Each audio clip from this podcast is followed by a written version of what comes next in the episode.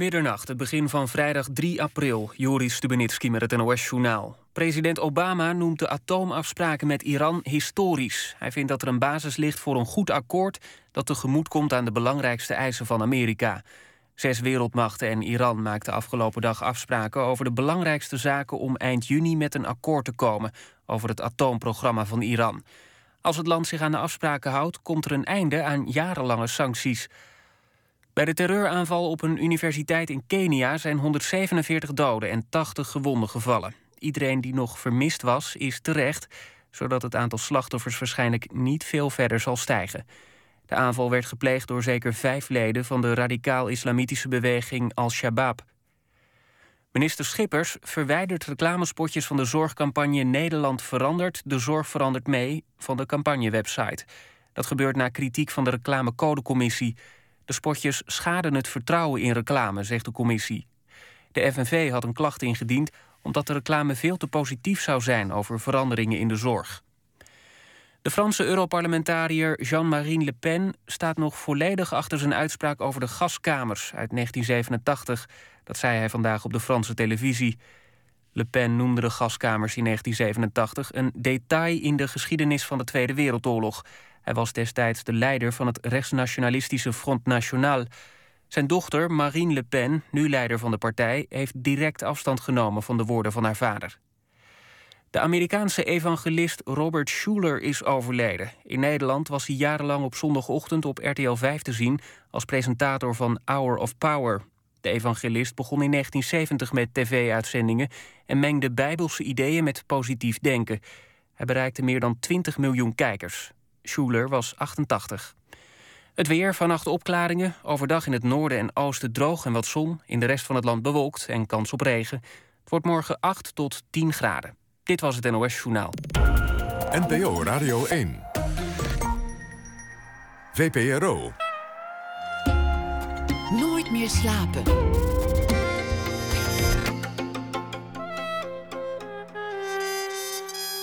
Met Pieter van der Wielen. Goedenacht en welkom bij Nooit meer slapen. Na één uur krijgt u een verhaal van Assis Aynan... die deze week elke dag een verhaal voor ons schrijft... en dat na ene voordraagt. Fons Delle, journalist en uh, radio uh, schreef een boek over zijn uh, jonge punkjaren... en zijn vroegere bandje. Al 40 jaar uit elkaar, maar hij ontkwam er dus niet aan... om ze weer te herformeren een reunie. Ook dat hoort u na ene. Maar we beginnen met Martijn Fischer. Bloed, zweet en tranen. De biografische film over André Hazes. Vanaf heden in de bioscoop te zien. Geregisseerd door Diederik Koopal. Met Hadewig Minis als uh, Rachel Hazes. En Martijn Fischer vertolkt de hoofdrol. Hazes als jongeman en in de laatste periode van zijn leven. Dat deed hij al eerder in de extreem succesvolle musical Hij gelooft in mij. 500 uh, voorstellingen, meer zelfs. 700.000 bezoekers. En hij zong mee in de Ziggo met Holland zingt Hazes. Want dat hij ook nog goed kan zingen, helpt natuurlijk. Uh, als je Hazes uh, moet ja, spelen en, ja. uh, en vertolken. Martijn Fischer werd geboren in 1968, groeide op in Bos en Duin en in Utrecht. Na wat omzwervingen, onder meer het conservatorium en de sociale academie... en wat, wat losse baantjes en een diensttijd koos hij vrij laat op zijn 25ste alsnog voor een toneelopleiding. Hij speelde in heel veel verschillende omgevingen. Stukken van Shakespeare, maar ook speelfilms, jeugdtheater, reclame. En uh, zijn rol als André Hazes werd, uh, nou mag ik toch wel zeggen, zijn doorbraak. Hm. Mag je zeker zeggen. Hoe kwam, was jij al een, een, fan van Hazes of wist je al dat, dat je op hem leek of dat je een goede vertolker zou zijn? Hoe begint zoiets? Nou, ik, er waren wel eens mensen die inderdaad zeiden van dat, ik, dat ik op hem leek. En uh, weet niet of ik dat als compliment moet zien. Maar ja, eigenlijk, eigenlijk is het natuurlijk. Uh, ja, dat, dat, dat, dat maakt wel dat je zo'n kans uh, uh, voelt aankomen, een beetje. Ja. Ik was niet echt fan. Ik, heb er, ik, heb er wel, ik had er wel één CD van, maar dat was het dan ook wel. Maar iedereen in Nederland is, is, is wel een beetje. Nou, ja, fan is misschien niet het woord, maar iedereen heeft wel iets met Hazes. Ja. Het, het, het is zo alomtegenwoordig. Ja, nou, dat was ook toen ik me eigenlijk in, in ging verdiepen. Toen dacht ik, oh ja, dat liedje, oh ja, natuurlijk, en dat liedje, oh ja. En het gek is dat je bij heel veel van die liedjes dan ook wel een soort van herinnering hebt. En dan merk je gewoon dan inderdaad hoe het in onze ja, volkscultuur inge, ingebakken is. Eigenlijk in het, in het nationale DNA is komen te zitten. Ja, ja. Vroeger, vroeger, was Hazes uh, echt volks. Dat, dat was iets waar, uh, waar, waar, een VPRO-lid uh, niet mee geassocieerd wilde nee, worden. En, nee. en later is dat ineens helemaal omgedraaid. Eh, mede door die documentaire die toen over hem gemaakt is. Maar misschien waren er ook andere dingen aan de hand. En inmiddels is er eigenlijk geen feestje dat uit de hand kan lopen zonder de muziek van Hazes aan het eind. Nee, dat is waar. Nee, nee. Alle CEO's staan aan het eind van de avond met een stropdas om hun hoofd eh, mee te deinen. Het is waar. Mensen geven zich er graag aan over. Het is een prettig soort energie, denk ik. Wat is de die kracht van Hazes? Ben je, ben je erachter gekomen? Ja, de openhartigheid waarmee hij eh, zelf in het leven stond en de dingen beleefde. En dan ook, dat uitzicht dan natuurlijk ook in al die teksten die hij die die die schreef. Zegt, iedereen heeft wel een, een haakje in zijn leven die, die overeenkomt met de teksten. Of ja, dat wat je van het leven van Haas zelf ziet. Het gevoel, dat is het uiteindelijk. Ja, ja. het is alledaags. Het is, de, het, is, het, is, het, is, het is alledaags met een, met een, met een ongelofelijke romantiek tegelijk. het gaat echt over, ja, over verloren liefdes en zoeken naar het geluk. En En een, en een soort melancholie die hij Ja. altijd met zich meedraagt. het is wat dat betreft een uniek eh, iemand. Er is geen artiest die zo openhartig is. Ik bedoel, heel veel artiesten laten hè, de, de, de, de, de vrolijke, prettige entertainmentkant van zichzelf graag zien. Ja, bij, bij Dre Hazes was, was die kant er niet. Hij was gewoon. Je hoefde er hij ook was. niet naar te zoeken. Nee. Die was altijd aanwezig, altijd zichtbaar. Ja. Hoe zit dat bij jou eigenlijk? Want, want, jij lijkt me wat dat betreft een heel ander soort man. Ja, ik kom uit een heel ander nest. Dus ik, heb, ik, ik ben gewoon. Ja, ik ben eigenlijk niet te vergelijken met Hazes. Behalve dat ik het kan spelen en zingen. Ja, Maar geen melancholiek iemand, denk ik. nou, bij tijden. Toch wel. Ook, ja. Nou, ook wel, ja. Ik, ik kan wel. heel- Ik, ik, nou, laat ik het zo zeggen. Ik ben geen meelig- ik, ik kan me heel erg makkelijk laten ontroeren. Als ik bijvoorbeeld iets, iets hoor in muziek of zo. Wat, dat kan me wel enorm grijpen. Dat heb ik wel. Maar ik heb, ik heb geen verdrietig leven. Dat niet. En dat had André Hazes natuurlijk wel. Eigenlijk wel. Ja. Je werd gevraagd op een zeker ogenblik. Mensen hadden alles gezegd. Ja, je lijkt wel op hem. Ja, ongeveer dezelfde lichaamslengte. Ja. Min of meer hetzelfde eh, postuur. Eh, Ja. misschien ook iets anders in, in, in manier van bewegen. Ja. En je kan zingen. Ja. Dat, dat maakt je al een heel geschikte kandidaat. Hoe ging dat vervolgens? Want het was aanvankelijk voor de musical dat je Ja. werd gevraagd. Nou ja, ik, ik, ik hoorde dat die eh, audities waren. En ik dacht, ja, ik, ik, ik denk dat ik dat moet doen. Dacht ik. Toen dacht ik, ja, maar ik ga me dat toch niet. Ik ga me dat niet aanbieden. Dat vind ik gek of lelijk. Dat doe ik gewoon niet. En toen ehm, nou, begreep ik wel dat ze er niet heel goed uitkwamen. En toen eigenlijk via Alex Klaassen, die heeft Ruud Wijsman, de, dat is de, de regisseur van de, van de musical, die heeft die eh, eh, van mijn bestaan op de hoogte gebracht. En toen eh, ging ik auditie doen en daar was ik eigenlijk helemaal niet eh, mee bezig, want ik stond op het punt om op vakantie te gaan. Maar ik deed die auditie. Ik dacht, nou oké, ja, moet ik dat wel doen? Musical, kan ik dat? Wil ik dat? Het is weer een heel andere... Had je ook nooit gedaan. Je had, Nee. je had heel veel gedaan, maar musical nou net niet. Nee, gesubsidieerd toneel. Dus, eh, dus eh, dit was voor mij echt wel een stapje. Dus ik heb daar, nou toen ging ik de eerste ronde doen, toen was ik heel erg aan twijfelen. En toen zei eh, Tjitske Reidinga, die zei tegen mij van, nou, zei ik nou niet, ga nou gewoon eens zoiets proberen, doe iets. Ga, want ik speelde eigenlijk altijd een beetje in de schaduw van andere acteurs die, van, van, van wat meer faam en naam. En ehm, dat vond ik veilig en prettig en leuk om te doen, want ik speelde met goede mensen bij de grote gezelschappen. Maar had niet eh, de, de hoofdrollen. Maar ja, leerde daar wel heel veel. Ja, nu, nu, dit was eigenlijk een uitgelezen kans om... Ja, eigenlijk al mijn talenten kwamen bij elkaar. Niet gezocht, niet, niet een, een lang gekoesterde ambitie, maar ineens je las van bezoek, ze zoeken een hazes. Ja. Verdorie, dat, dat zou mij op het lijf geschreven zijn. Ja, dat voelde ik wel. Was het ook meteen duidelijk dat dat zou gaan werken? Ging dat meteen vanaf de auditie of de eerste oefening goed? Nou, ik, ik weet dat ik in de, in de lift stond. Van de, want het was een auditie op de toneelschool in Amsterdam. Ik stond met Ruud Wijsman in de lift. Toen zag ik hem zo uit een ooghoek, zag ik hem zo mij opnemen. Toen dacht ik, oké, ik voelde me een beetje bekeken. En, eh, en hij heeft me later gezegd, ja, eigenlijk, toen we in die lift st- stonden, wist ik eigenlijk al gewoon dat jij dat moest gaan doen. Toen moest ik natuurlijk nog zingen en spelen. Maar dat, dat spelen, daar wist hij al wel van dat ik, dat ik dat wel ging kunnen. Maar dat zingen is dan natuurlijk ook nog een, een tweede. Nou, ik heb die auditie gedaan, dat ging heel goed. Ik dacht, ik laat het los. En toen kwam er een tweede auditie. En dat was dan echt zo'n klassieke eh, auditie met alle mannen die eh, erover gaan in pakken achter een tafel. En jij moet daar heel kwetsbaar Heel doen. streng, streng kijken en belangrijk. Ja. Nou, meneer Joop van Ende was daar ook bij. En ja, ik, ben, ik vond het heel ik had toch te veel ontzag. Dus ik ging eh, ja, een beetje stotteren en ik raakte ervan in de war. Dus ik had niet zo'n goede tweede auditie. Ik kwam er nog net wel zo doorheen gezwijnd. Maar ik maakte wel een paar foutjes en zo. Ik maakte niet een hele zekere indruk. En toen zag ik Joop als een beetje op zo om zich heen kijken van ja, oké, eh, dus dit is, dit is dan het grote, de grote belofte. Die, die straks die. Want hij had er grote plannen mee. Hij, hij wilde er veel geld in investeren en er ook, ook heel veel publiek mee bereiken. Precies. Dus, maar dus dat veel is, vanaf. Ja. Maar toen hebben we, nou, toen kwamen, werden de arrangementen gemaakt. En ging ik in de Lamar ging ik die dingen, stukken zingen. Dan zat hij in de zaal en zei: Nou, het is geweldig, maar je gaat, we gaan je toch nog zangles geven. Want uh, ja, je moet straks zeven keer in de week uh, spelen. Dus dan moet je stem uh, gaan, gaan trekken. Die moet daar technisch klaar voor zijn.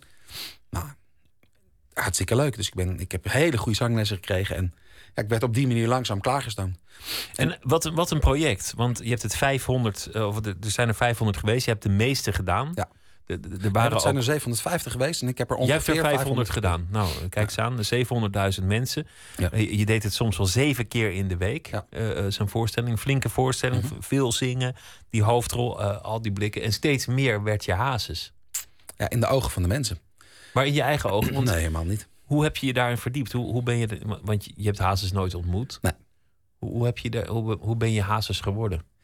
Um, nou ja, inderdaad. Door, ik heb op, in Utrecht gestudeerd, dat is een fysieke opleiding. Dus ik, ik, mijn vertrekpunt van zo'n rol, uh, uh, mijn eigen maken, is niet, god, wat zou die voelen of wat is, uh, hoe zou die denken? Nee, ik kijk hoe beweegt de man en hoe, hoe tuint hij zijn grapjes en, en hoe ver draait hij zijn hoofd. En maakt hij grote of kleine stappen? Of, snap je? Ik, ik Gewoon heel veel films gekeken, documentaires, ja. oude opnames, noem maar op. En, en dan zie je inderdaad de Hazes met zijn entertainment, mode, entertainment knop aan. En je ziet hem in zijn natuurlijke omgeving. Dat zie je ook in die documentaire van John Apple heel goed. Ja. Zie je hem zitten met een brilletje en dan zie je hem, dat hij zich ergert als een kind. Soms aan een kleine Dre die luidruchtig was terwijl hij iets probeert te rijmen. Of dat hij voetbal probeert te kijken. Of... Het is wel heel grappig. Kijk, er schiet me dan nu zo'n beeld, beeld naar binnen. Dat, dat kleine Dre, die, die, die was dan inderdaad... Hij zat voetbal te kijken, Dre Hazes. En kleine Dre, die liep de rotzooi eh, om hem heen. dat hij zo'n geïrriteerde blik had op zijn kind. En dat Dreetje dat zag en dan zo heel keurig naast hem kwam zitten. En dat ze dan zo naar elkaar keken. Zo van...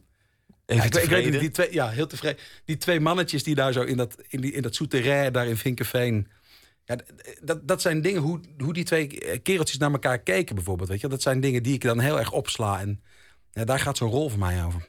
En dat wordt, dat wordt natuurlijk elke avond meer, omdat je dat je meer eigen maakt, die manier oh van bewegen.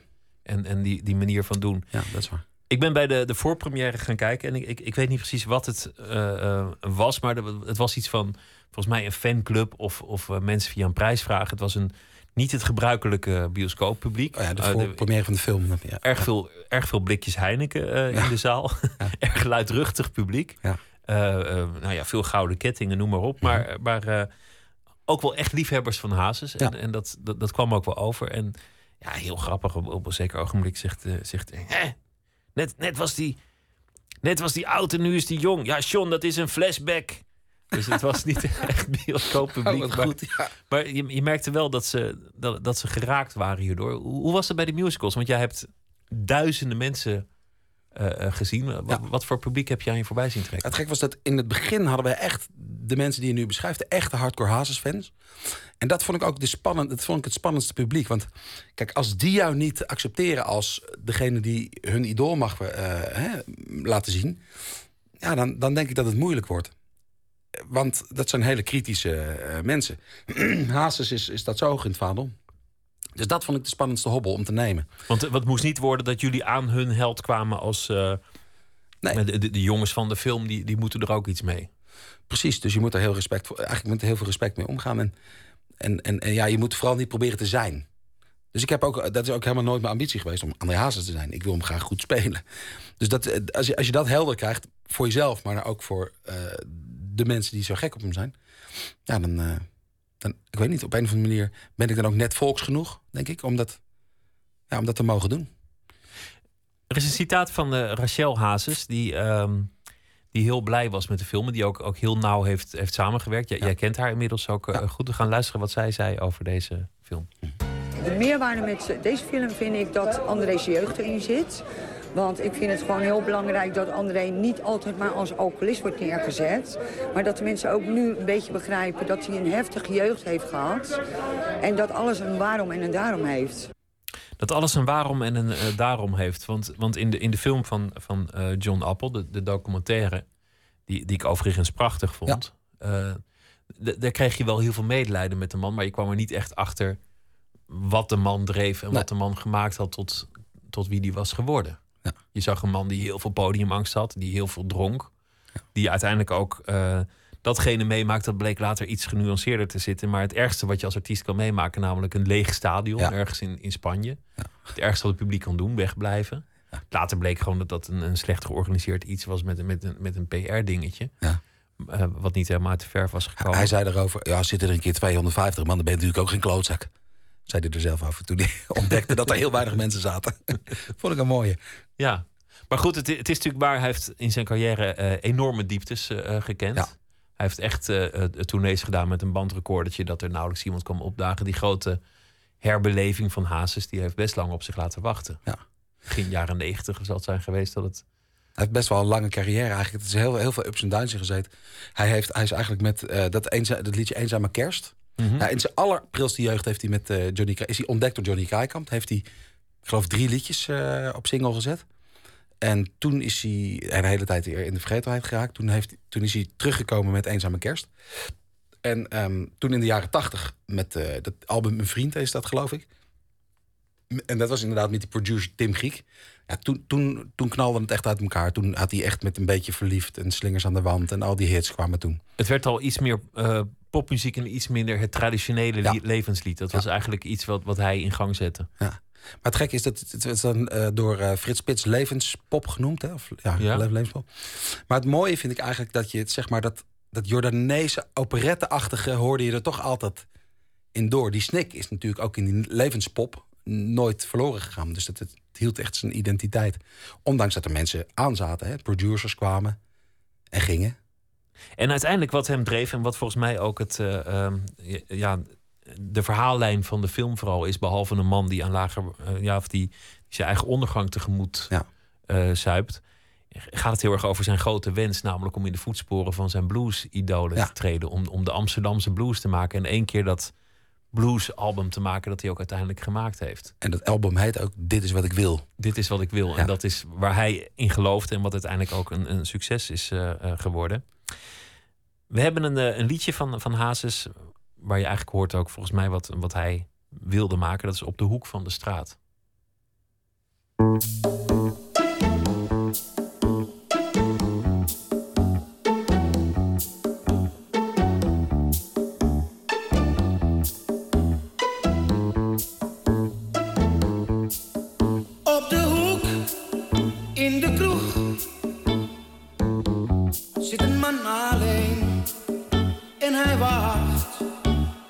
Tot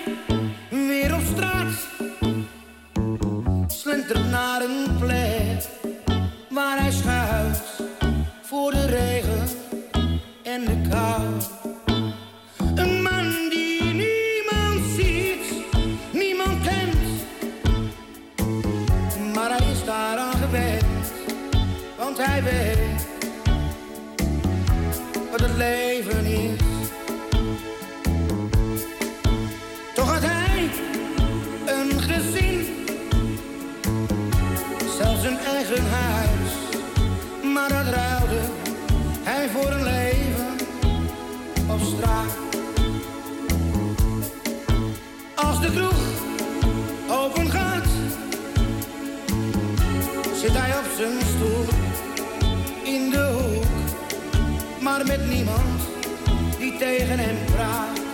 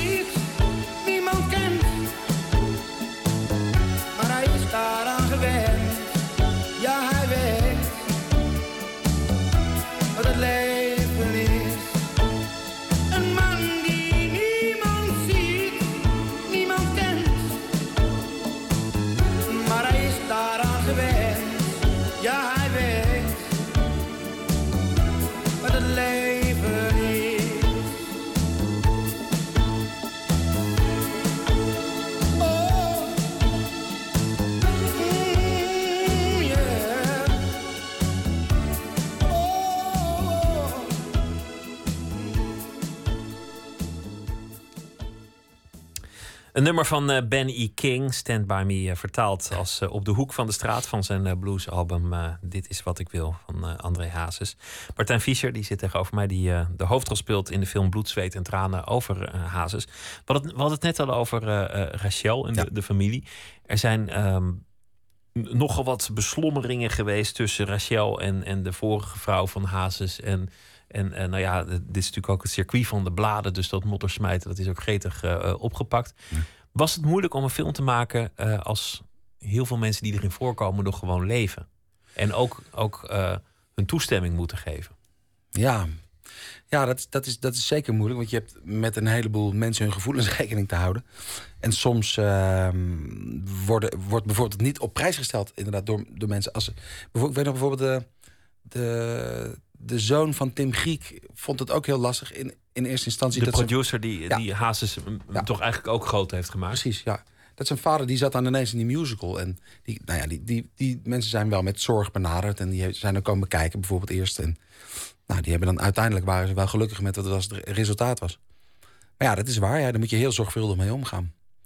Um, ja, eh, ja, en je sluit ook bepaalde uh, uh, ja, je, je, sluit ook bepaalde stukjes van het leven van Hazes uit, omdat je daar gewoon niet aan moet komen. Nee, en dat, dat wordt ook ingewikkeld, want hij heeft meerdere huwelijken gehad. Hij heeft kinderen uit een eerder huwelijk. Hij heeft, uh, nou ja, uh, god weet wat je allemaal op, op, de, op de hals haalt natuurlijk. Ja, dan, daar heb je het gewoon niet over, want dat is te pijnlijk, ook voor die, voor die kinderen lijkt mij. Hoe, hoeveel um, ben je opgetrokken met de familie uh, in jouw eigen voorbereiding? Hoe, vaak heb je ze moeten raadplegen, dingen, dingen moeten vragen? Nou, zeker. Kijk, eh, dat is een heel proces geweest. In de, in de musical, uh, toen in de voorbereiding van de musical... Uh, ja, Rachel die heeft me boeken opgestuurd en, en dvd's... ook zodat ik het allemaal kon zien en bestuderen. Uh, alle, alle dvd-boxen met concerten en zo heb ik gekregen. En inderdaad, ook we mochten echt alles vragen. Dus dat, zij waren echt heel, ja, heel open en heel behulpzaam, eigenlijk. En... Ja, eigenlijk dat, was het bij, de, bij de film ging dat, zo, ging dat zo door. Ze kwamen af en toe kijken op de set en, ja, dan zeiden ze van ja, nou dat was echt niet zo, maar en dat is precies juist, dat is heel erg raak. En dan weet je een beetje welke kant je op moet zoeken. Je moet, je moet het toch ook doen met de verhalen die verteld worden over de man. Ja, en het is, het is ook een, een beeld dat, dat in de film uh, uiteraard moet kloppen. Het moet ook gewoon, ook gewoon een, een behapbaar verhaal zijn. Dus daarin kun je misschien niet volledig zijn of, of elke nuance volledig pakken, omdat het ook gewoon ja, die film moet ook binnen twee uur wel een beetje afgelopen ja, zijn. Dat waar. Ja. Het was denk ik ook wel een, een pijnlijke film voor. Uh, ook al komt Rachel er heel goed af. Ze is, is bijna een heilige. Ze is echt de vrouw die, die hem op de been houdt, die hem wil redden. Ze, ze, ze, komt er fantastisch uh, vanaf. Maar desalniettemin is het is denk ik voor de familie een pijnlijke film. Ja. Om, omdat je, je ziet gewoon hoe onvoorstelbaar veel die man zoop. Ja, en, en, en, en, en kijk, de spanningen rond die hele grote concerten waren zo hevig... dat, die, dat, ja, dat het thuis gewoon echt hoog opliep. En dat hebben ze ja, met elkaar doorstaan. En dan ging hij maar weer naar, naar, naar Noordwijk... om dan zeg maar zijn gezin niet tot last te zijn en zo. Maar dan dronk hij daar weer heel veel. En dan had ze daar toch ook weer heel veel zorg over.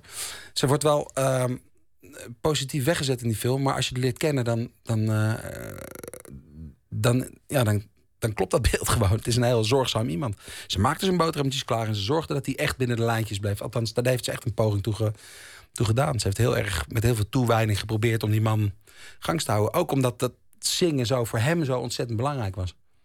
Die hoeveelheden die hij drinkt, dat, dat, dat kon het tv-publiek al weten uit, uit eigenlijk verschillende momenten. En dan niet alleen de, uh, de documentaire waar we het over hadden, maar dat is bijvoorbeeld een, een beruchte aflevering van uh, Villa Velderhof. waar, waar André Hazes eh, te gast is.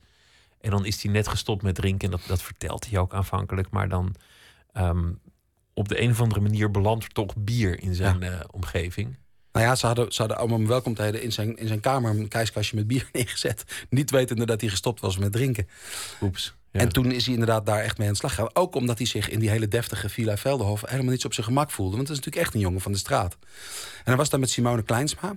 Nou, dat is bijvoorbeeld een van de dingen waar ik ook heel erg goed naar gekeken heb. Want dat, want dat was, daar was hij bijvoorbeeld ook... Hij ging proberen een broodje te snijden. En dat, en dat en dat glipte onder zijn, uh, onder zijn mes weg. En dan hoorde hij zo tak heel hard op dat bord. En iedereen keek daarnaar hem. En dan kreeg hij, was hij heel gegeneerd. En dan zei Simone Kleinsma, die legde dan zo eh, de, de, hand op zijn arm. En zei je mag dat gewoon pakken met je hand hoor. Oh, oh, oh zei hij dan. Dan wist hij helemaal niet hoe, zich, hoe hij zich moest gedragen. En daardoor ging hij ook... eh, daar vanuit een soort onzekerheid eh, veel drinken. En dan zingt hij op het eind van de avond zingt hij, Laat me van Shaffi.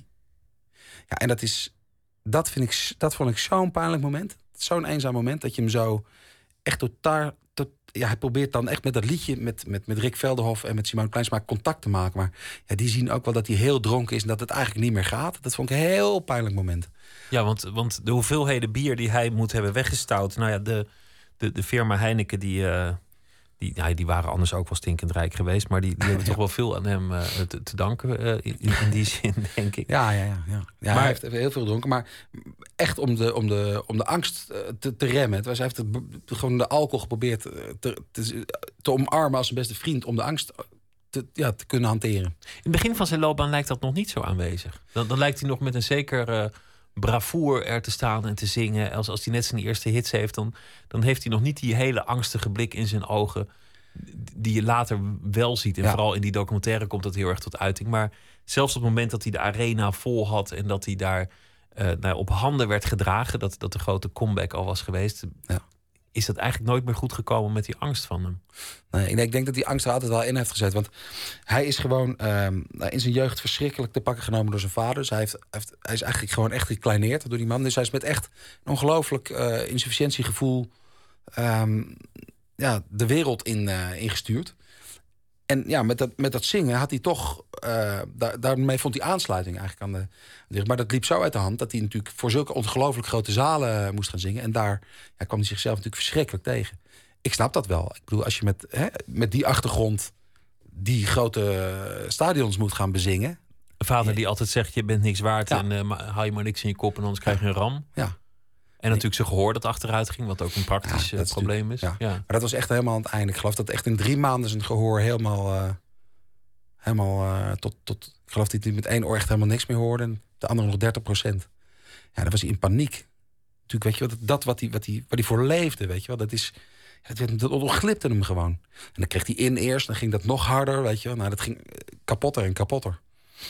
Heel naar een heel uh, tragisch verhaal al met al. Jij zingt ook, uh, zowel in de musical als bij uh, Heel Hazes zingt in de Ziggo Dome... met tal van hele beroemde artiesten. Ja. En eigenlijk was dat iets wat in jouw loopbaan nooit zo'n rol speelde, dat, dat, zingen. Nee, nee, dat is waar. Dat is, dat is ook het leuke van wat het...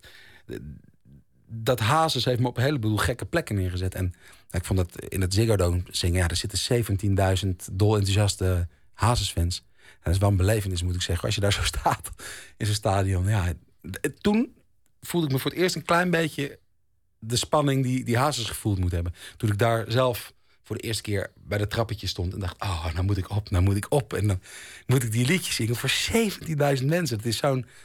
Ja, dat, is, dat, dat vond ik heel, heel stressvol. De eerste keer. Nu kan ik er ontzettend van genieten. Dat is heel prettig. Maar dan, dan even denk je: Oh ja, zo heeft hij zich dus ook gevoeld. Dat, dat is dus de angst die die man voortdurend had. Nou, pittig. En dan was hij waarschijnlijk ook nog, nog vaak uit het zenuw een beetje bezopen worden, geworden. En dan, dan weet je wel helemaal niet of alles goed gaat. Of je niet omkelt. Of, of, of, ja, het maakt je niet zelfverzekerd nee. per definitie. Dat is eigenlijk niet handig, nee. We gaan luisteren naar jouw versie van uh, een van de allermooiste nummers van Hazes. Uh, Zij gelooft in mij. Leuk.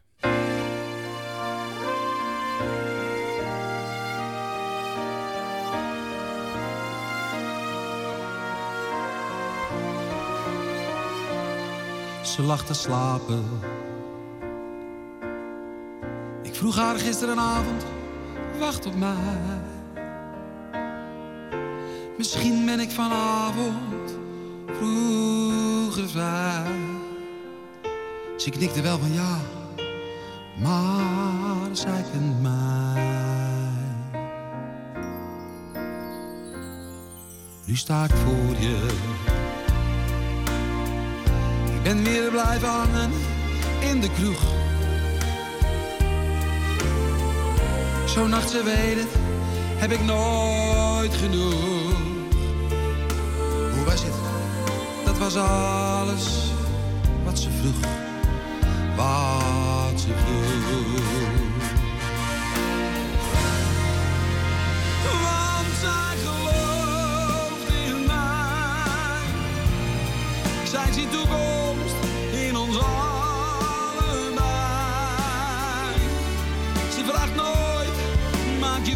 Is vrij.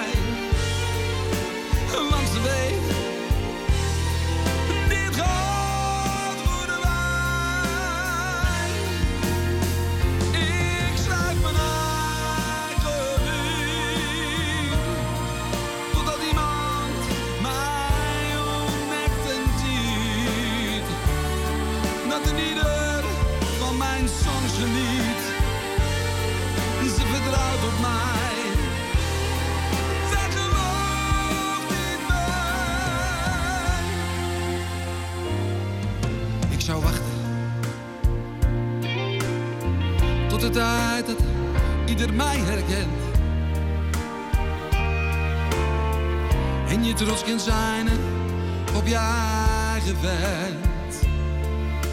Op straat zullen ze zeggen, die hazes is bekend. Zolang we dromen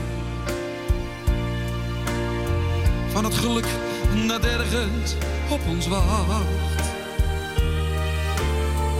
Dan vergeet jij snel weer deze nacht.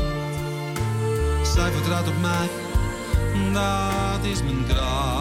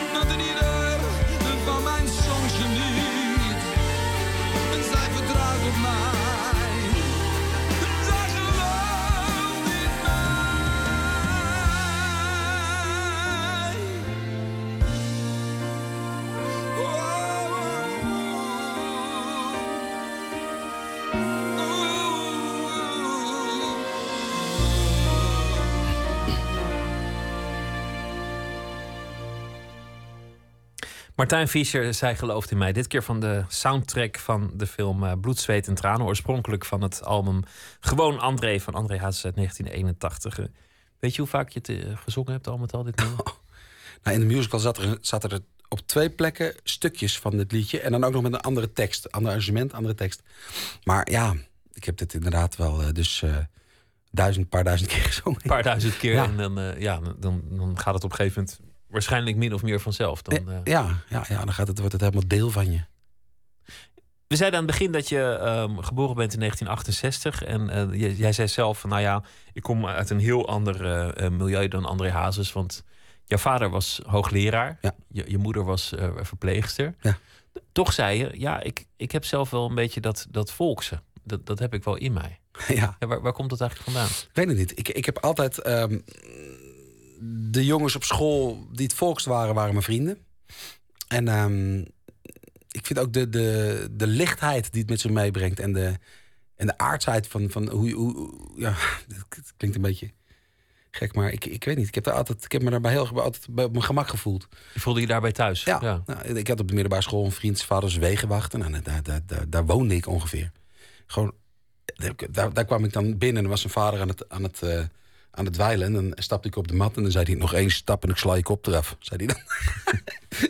daar, lag ik helemaal slap van het lachen. Dat werd bij mij thuis nooit gezegd. Maar dat vond ik, snap je, het is allemaal zo helder en duidelijk dat ik heel veel behoefte aan. Mijn moeder was eh, ja, een beetje zoekend. en, eh, eh, nou ja, het was ook wel zo. Kijk, mijn, mijn ouders gingen uit elkaar toen ik vijf was. En toen gingen we eerst heel deftig op de Nieuwe Gracht wonen. En uiteindelijk heb ik ook in Utrecht was dat, op de Weertsingel gewoond. Dat is aan het begin van de Amsterdamse straatweg. Nou, dat is echt wel volks. Dus ja, ik trok daar ook op. Ik voetbalde op straat met, met, met, met aannemerszoon en zoons. En gewoon ja, jongens. Zoals, en dat, ik was ook zo'n soort jongen. En dan had je een, een chique vader in Bos en Dal. Die, die bleef daar dan? Ja, nou, die ging uiteindelijk kreeg hij een stoel, leerstoel in eh, Maastricht. En daarna ging hij naar Nijmegen. Maar ja, wij woonden in Utrecht. En je, je moeder was, was zoekende. Zoek, Ja. ja. iedereen was zoekende in de jaren Ja. zeventig. Hoe, hoe ging dat? Ja, die dacht echt dat het geluk heel erg buiten zich eh, te vinden was.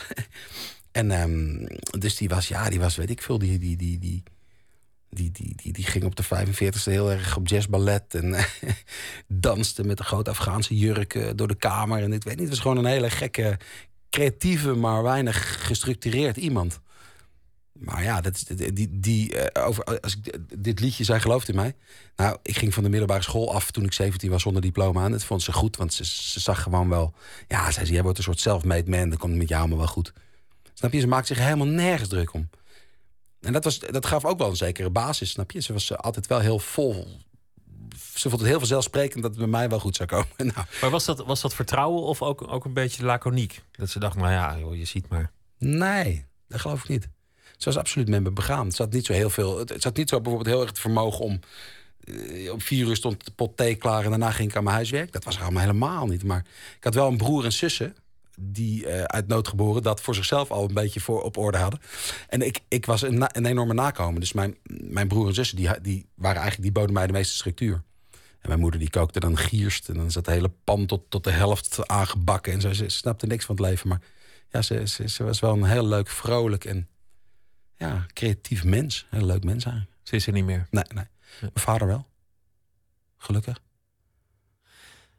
En hoe, hoe lang geleden is ze al overleden? De- niet, niet- Vijf jaar geleden. Vijf jaar geleden, ja.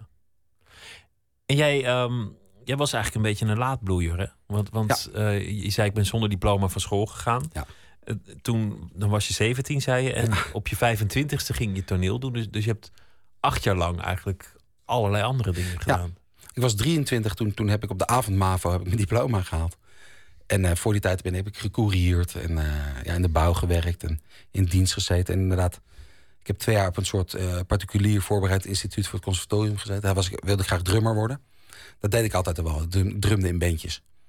En, maar ja, dat drummen, ja, ik was eigenlijk toch net niet goed genoeg. Ik heb ook in de Johan Willem Friese kapel was ik tamboer, weet je wel. Dat, het was het allemaal net niet. En ik wist gewoon echt niet zo goed wat ik moest gaan doen. Ik vond wel dat ik iets, iets moest doen. En, eh, want dat was me dan toch nog net wel ingegeven. Maar ik had ook niet echt het, het cognitieve vermogen om een, studie te gaan doen of zo. En toen zei mijn broer eigenlijk, die zei... Ja, ga nou gewoon auditie doen op een toneelschool. Dat, dat, ga je, dat, gaat, dat, dat is iets voor je. Toen dacht ik, nou ja, oké. Toen ging ik dat doen. Toen werd ik eerst afgewezen. En toen, toen zeiden ze, ja, jij hebt helemaal niks wat met toneel eh, raakvlakken heeft. En toen dacht ik, wacht even, dat geloof ik niet. toen heb ik een voorbereidend jaar gedaan. En toen werd ik in Utrecht aangenomen. En wa- waarom ging je dat toch doen? Want, want had je iets gezien waardoor je dacht, ik wil ook acteur worden? Of, of had je het ooit gedaan? Of... Ja, ik, ik, ik kwam op dat, op, op dat voorbereidend jaar. Nou, ik had vriendjes die, die, eh, waar ik muziek mee maakte. Martijn Niewerf en Jacob Derwig. En die zaten eh, Jacob zat in Arnhem op de toneelschool. En Martijn Niewerf zat in eh, Amsterdam op de toneelschool. En dat, die hadden, dat vond ik leuk. Dat, dat klonk leuk allemaal. En ehm, toen ging ik... dat was eigenlijk de reden dat ik...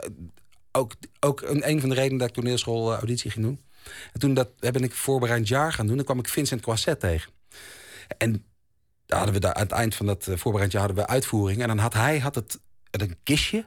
En in het kistje zat het oogpotlood van eh, Louis Bouwmeester. Of weet ik veel, een groot acteur uit, weet ik veel, eh, de 60 jaren, weet ik veel. Of uit eerder nog, veel eerder nog. En nou ja, dan ehm, hielp zijn vader, Jules Crasset... die hielp mij met mijn klassieke monoloog... om op de toneelschool eh, te- te komen. Je moest dan twee monologen voorbereiden, een klassieke en een moderne. Nou, dat moderne, dat lukte me wel. Maar zo'n klassieke monoloog, ik wist echt helemaal niet hoe ik dat aan moest pakken. Nou, dan speelde hij in de Schouwburg in Utrecht. En dan, dan zei hij, nou, kom dan maar. En dan eh, help ik je wel even. En dan had ik, moest ik een bandje meenemen en een bandrecordertje. En, dan, en die monoloog. En dan sprak hij het voor me in.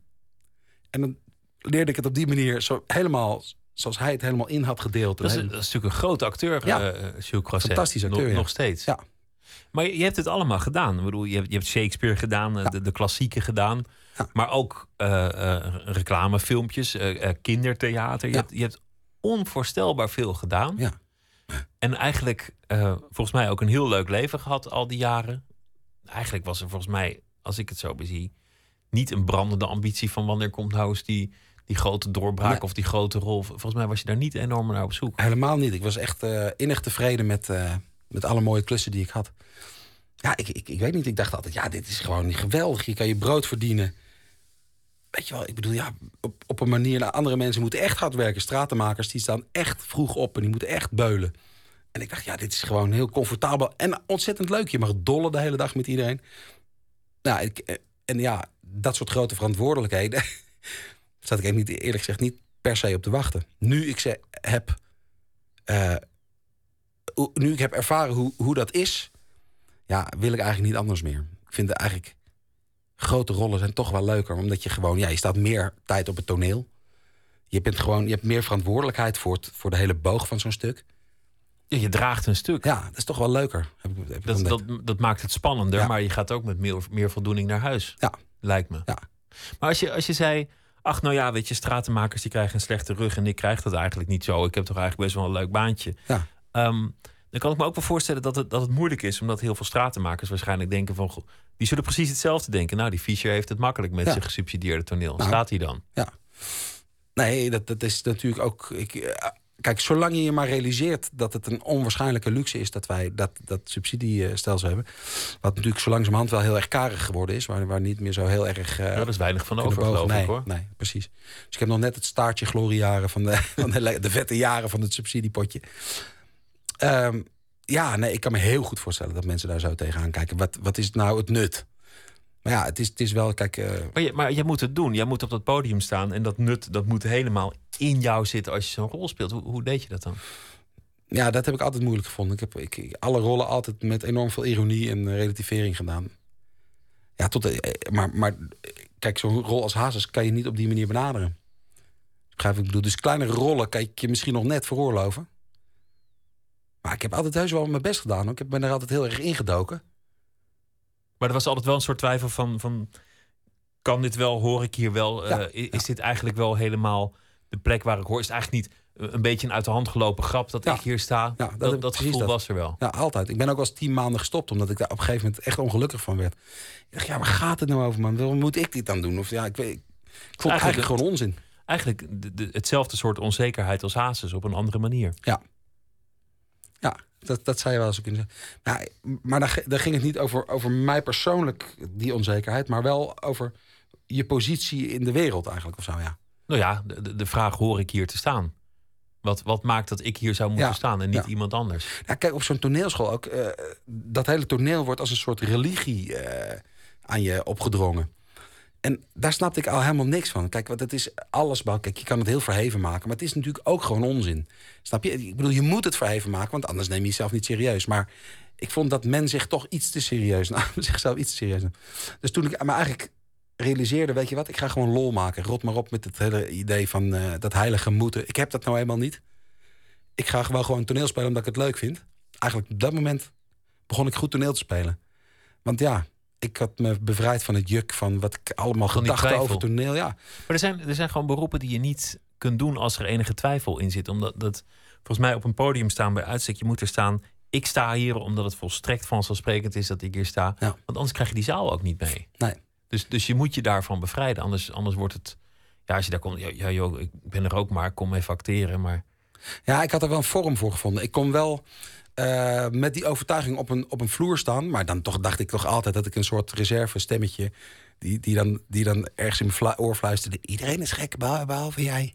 Weet je wel, ik, ik, ik dacht ze- dat ze dit geloven allemaal, dat ik dit hier sta te doen. Ja, Maar daar, daar heb je jezelf echt van bevrijd. Ja. eh, met Hazes. En, en ook van nou ja, de tevredenheid van, om, om tweede viool te spelen eigenlijk. Ja, ik denk dat ik dat ook wel weer zou kunnen, hoor. Want dat vind ik, ja, dat is nou eenmaal ook gewoon leuk. Een dienende rol is ook verdomd leuk. Als je achter Loes Lucas staat of Tjitske Reidinga, jongen... En je, en je mag daar gewoon scènes mee spelen, ja. En, dingen aangeven voor iemand die, Ja. die daar iets prachtigs van maakt. Ja, Ja. dat is geweldig. Maar ja, inderdaad, je kan... eh, ja, ik weet het niet. Dit, dit, dit, is, dit, dit smaakt wel naar meer. Ik wil wel... Nou, het lijkt erop alsof je je van de ironie hebt bevrijd in je leven. Of, of van een zekere twijfel. Of Ja. Je moet de dingen wel met lichtheid blijven naderen. Want het, eh, hè, jezelf niet te serieus Nee, nemen. dat, dat in ieder geval niet. Dat Nee. is, dat, want dan word je ook een soort treurig, snap je? Als je als acteur heel, jezelf heel serieus neemt, ja, dat is toch ook een beetje. Ja, dat, ik kan er niet Mensen prettig naar kijken. niet, niet, niet een beetje op de korrel kunnen nemen. Precies. ook, eh, maar de roem is ook gekomen eigenlijk. terwijl jij, jij, jij speelt Hazes, maar ook voor jouzelf. Je, bent je bent een ster geworden. Eh, Ja. eh, de, de bladen willen je hebben. De, je- Ja. Je wordt voor, voor spelletjes gevraagd. eh, je wordt gevraagd om lintjes door te knippen. Nou ja, noem maar op. Ja, Maar ik ben heel blij dat me dat op, op, op nou ja, wat was ik, 43-jarige leeftijd is gebeurd. Want ik kon er heel goed naar kijken als iets wat niet zo heel veel met mezelf te maken had. Je wist al wie je was. Je Ja. wist al hoe het leven in elkaar stak. Dus als je, als je dat gebeurt, ik bedoel bijvoorbeeld Chantal, Die, die ook heel goed het onderscheid kan maken, overigens. Maar die, heeft, die, heeft, die is echt vanaf de, nou ja, vanaf de 17e, volgens mij, staat hij al. Chantal Jansen met Ja, die, eh, de, ja, de musical deed. Chantal Ja. Jansen, ik- excuus. Die, die, die, die staat echt al vanaf de, eh, nou, vanaf de 17 staat ze die grote rollen te spelen in de musical. Dat lijkt mij veel moeilijker als je op die leeftijd die ro- ro- roem vergaart. Als je publiekelijk moet, eh, moet opgroeien. Zo. Ja. Maar ja, je, je echtscheiding werd bijvoorbeeld eh, eh, toch tot, tot een publieke zaak verheven. Wat, Ja. wat voor iedereen volgens mij heel vervelend is. Want het is al Ja. lastig genoeg. En dan, dan komen de bladen nog eens. Ja, het scheelde dat ik, dat ik gewoon ehm, voor ons niet zo'n hele pijnlijke kwestie was. Het was gewoon een hele soepele, rustige, vriendschappelijke scheiding. Het, het klinkt heel gek, maar Dat bestaat. dat bestaat, ja. Dus ja, er zat wel heus wel pijn, ook zeker naar, naar ons kinderen toe. Ehm, maar het was goed. We vonden allebei dat het, dat het zo moest zijn. En dat, en ja, dat kan je dan ook met, met volle overtuiging eh, communiceren. Dus dat maakt je wat minder kwetsbaar. Het is, niet, het is niet, niet dat je rollend over straat loopt en, en Nee, het servies het raam dat is uitgooit. Als je, als je zeg maar Ja. zo je, je- ja, je, je, je, je, je, je, je eigen shit zo publiekelijk, ja, dat is echt naar. Dat lijkt me heel vernederend. Dat was gelukkig bij ons niet aan de hand. En ja, ik vind het altijd wonderlijk dat mensen daar überhaupt in geïnteresseerd zijn. Dat heb ik ook altijd zo wonderlijk gevonden. Dat bij iedereen namelijk uiteindelijk globaal er ongeveer hetzelfde uitziet. Ja. Dus ik heb altijd geprobeerd, zeg maar, dan zei ik altijd iets over dat. En dan ging probeerde ik weer terug te gaan naar het onderwerp werk. Want dat is natuurlijk waar je het waar je uiteindelijk over wil communiceren. Ja, dat, is, dat is je werk Maar het lijkt, je het lijkt er wel op, al met al, dat je, want je zegt, nou ja, gelukkig gebeurt het op mijn 43ste, je bent nu, nu 46, dat, dat heel veel dingen veranderen in je leven. Ja. Ik bedoel, dat, dat, dat ineens er totaal anders uitziet dan, nou ja, weet ik veel, eh, tien jaar geleden. En dan je ook dacht dat het er nu uit zou zien tien jaar geleden. Ja, ja, ja, enorm. Alles Het heeft echt een wending genomen. Het is echt, dat, is, dat is wel heel erg gek. Dat, dat, vind ik heel. Ja, dat voelt voor mij wel als een soort. eh, ja, het, het is wel echt een hele mooie schakel voor me. Dit heeft me zoveel gebracht en mijn ontwikkeling in zo'n stroomversnelling ge- gebracht. Ja, want je, als je zoveel speelt, word je ook gewoon echt een betere acteur. Wat ik ook heel leuk vond, kijk. In dat, ik ben opgevoed eigenlijk Matthijs Ruumke. Hè? Dat is de, de, de, de artistieke leider van het Zuidelijk Toneel nu. Ja, Die heeft mij van school, heeft hij me geadopteerd... en die heeft me eigenlijk toneel leren spelen. En dat ging heel erg over timing, over het algemeen. En ehm, dat ging er bijvoorbeeld in over... je denkt in de zin van de ander en je sluit je teksten aan...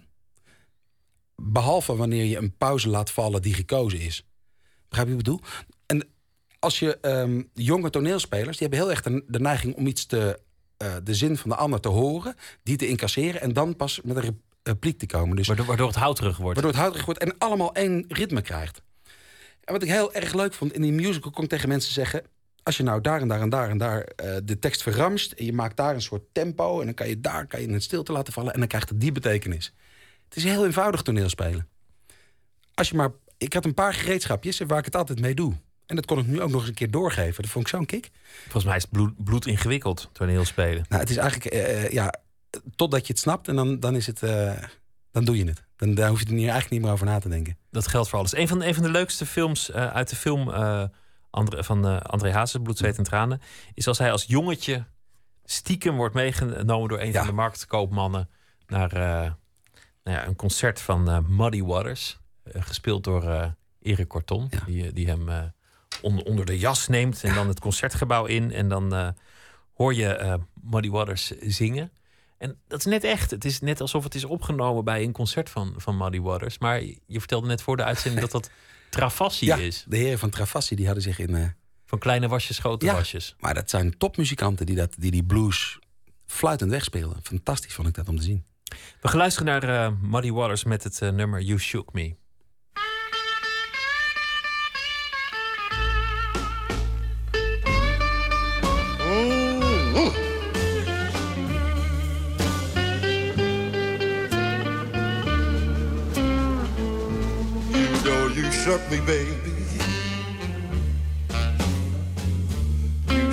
All night long.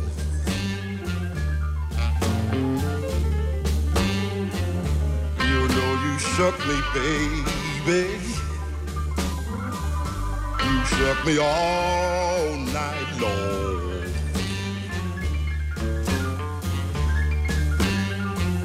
Oh, you kept on shaking me, darling. Oh, messed up my happy home.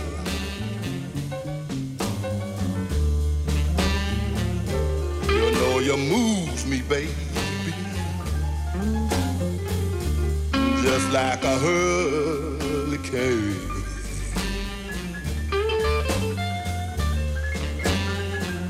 You know you moves me, baby, just like a hurricane.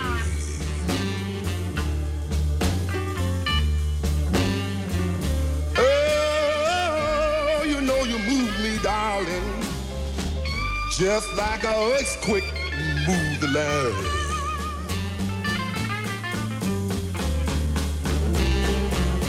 Oh, sometime I wonder what my poor wife and child go do.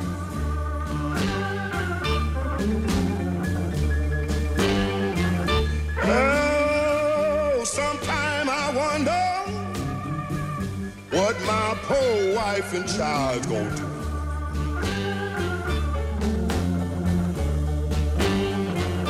Hey, you know you made me mistreat them, darling. Whoa, I'm madly in love with you.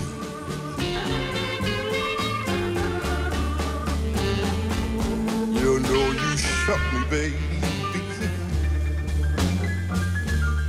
Shook me all night long.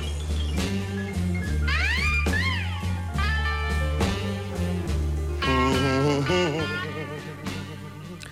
Muddy Waters, You Shook Me uit eh, 1962. eh, de grote held van eh André Hazes en, en vele anderen natuurlijk. Dit, ik, ik denk dat dit toch wel voor, voor, eh, voor André Hazes het mooiste was ooit gemaakt. Ja, dit is waar hij zich helemaal in kon verliezen. En wat hij eigenlijk ook graag wilde doen.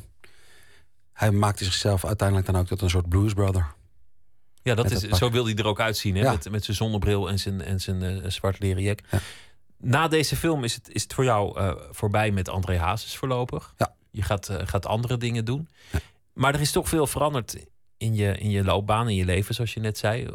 Heb je enig idee welke kant het opgaat? Want, want ik kreeg eigenlijk de indruk dat jij niet iemand bent die, die plannen maakt of opschrijft van nou over vijf jaar wil ik daar zijn, maar dat het meer op je afkomt en je, en je volgt wel. Ja, daar vertrouw ik maar een beetje op dat er goede dingen op me afkomen. Ik ben nu wel een beetje in een fase dat ik, eh, dat ik heel goed moet kijken wat, het, wat, wat iets dan is. Dus ik ben best wel veel scripts aan het lezen en zo. Het is ook iets minder vanzelfsprekend dat het werk gewoon zo wel zo hup naar je toe komt. Ik ben toch misschien wel iets selectiever geworden. Dat is best onhandig. Maar ik doe nu bijvoorbeeld, eh, ik doe wat draaidagjes en wat snabbeltjes en zo. Dat zijn echt hele leuke dingen. Eigenlijk doe ik een beetje waar ik zin in heb. Ik heb zo lang ehm, in die regelmaat van de, van de musical gezeten... dat ik het nu ook heel lekker vind om wat losse dingen te doen. Ja, want het was, was ook wel erg, erg zwaar. Ik bedoel, eh, zeven, zeven keer in de week. Ja, dan, dan, dan kom je thuis en dan, dan, dan ligt papa op de bank met, met een washandje op zijn voorhoofd. En Weet je wel, ja. Je moet echt eh, heel gedisciplineerd door het leven dan. Dus het is niet romantisch. Het is gewoon werken, sporten, slapen... en zoveel mogelijk met je kinderen optrekken. Maar dat is ook wel ongeveer wat je dan kan behappen. Als je echt zeven... Het, de allereerste begin heb ik echt eh, zeven keer per week gespeeld. En was er ook nog niemand die mijn rol kon spelen. Mijn rol noem ik het, merk ik. Maar dat was ook wel een beetje zo. Ehm, en toen kwam Frank Lammers. En die ging er twee per week spelen. Toen mocht ik er vijf spelen. Nou, dat was al een ongelooflijk eh, heerlijke stap terug. En eh, nou ja, ik heb ook daarna nog wel eh, regelmatig af en toe zeven keer per week gespeeld. Maar toen was de allerergste druk van de ketel. Maar dat is inderdaad gewoon eh rammen geblazen. Je hebt de twijfel afgeschud. Ehm, eh, je neemt geen genoegen meer met, met de rollen die je vroeger eigenlijk wel, wel lekker vond. Omdat je hebt gemerkt van ja, het is, het is wel gaaf om die verantwoordelijkheid te nemen. Om, om echt een stuk of een film te dragen. Ja. Om, om, om je verantwoordelijk te maken. Ehm, nou ja, je, je huwelijk van vele jaren is, is achter je gelaten. Iets waarvan je ooit gedacht moet hebben: dit gaat mijn hele leven Ja. duren. Kortom, het is, het is een fase waarin heel veel dingen voor jou anders werken. Maar het, het klinkt volgens mij ook een beetje alsof, alsof het gemak eraf is. Dat je eigenlijk altijd hebt geleefd van: nou ja, ik zie wel wat er komt. En nou ja, ik, het- ik vind het eigenlijk wel goed. Om, omdat je vrij makkelijk tevreden bent met, met van alles. Maar het lijkt alsof dat nu weg is. Ja, het is iets minder vanzelfsprekend allemaal. Maar eerlijk gezegd, ja. Geef je daarmee zelf ook wat meer richting aan dingen. Het is, eh, dan overkomt het, het leven je iets minder, maar dan heb je ook iets meer zelf in de hand, lijkt het. Zo. Dus je kan iets meer zelf sturen. Wat, ja, er komen nu gewoon ook leukere dingen op me af... doordat ik heb laten zien dat ik dit kon. Wat was er gebeurd als je die mentaliteit had gehad toen je 17 was? Ja, dan had ik waarschijnlijk uh, gewoon mijn school afgemaakt. En dan was het waarschijnlijk. Uh, was, ik, was ik waarschijnlijk binnen een gewoon, veel gewoner kader uh, mijn leven gaan leiden. Omdat je veel vroeger geëxceleerd had en daardoor waren allerlei andere dingen helemaal niet. Ja, dit, dit, dit, was ook een beetje een noodgreep te acteren.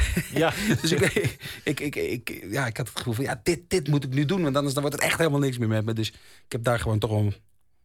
Nee, ik denk dat, dat als je leven zeg maar wat gewoner verloopt... dan, ja, dan, dan zal het ook wat minder uh, ja, pieken en dalen bevatten.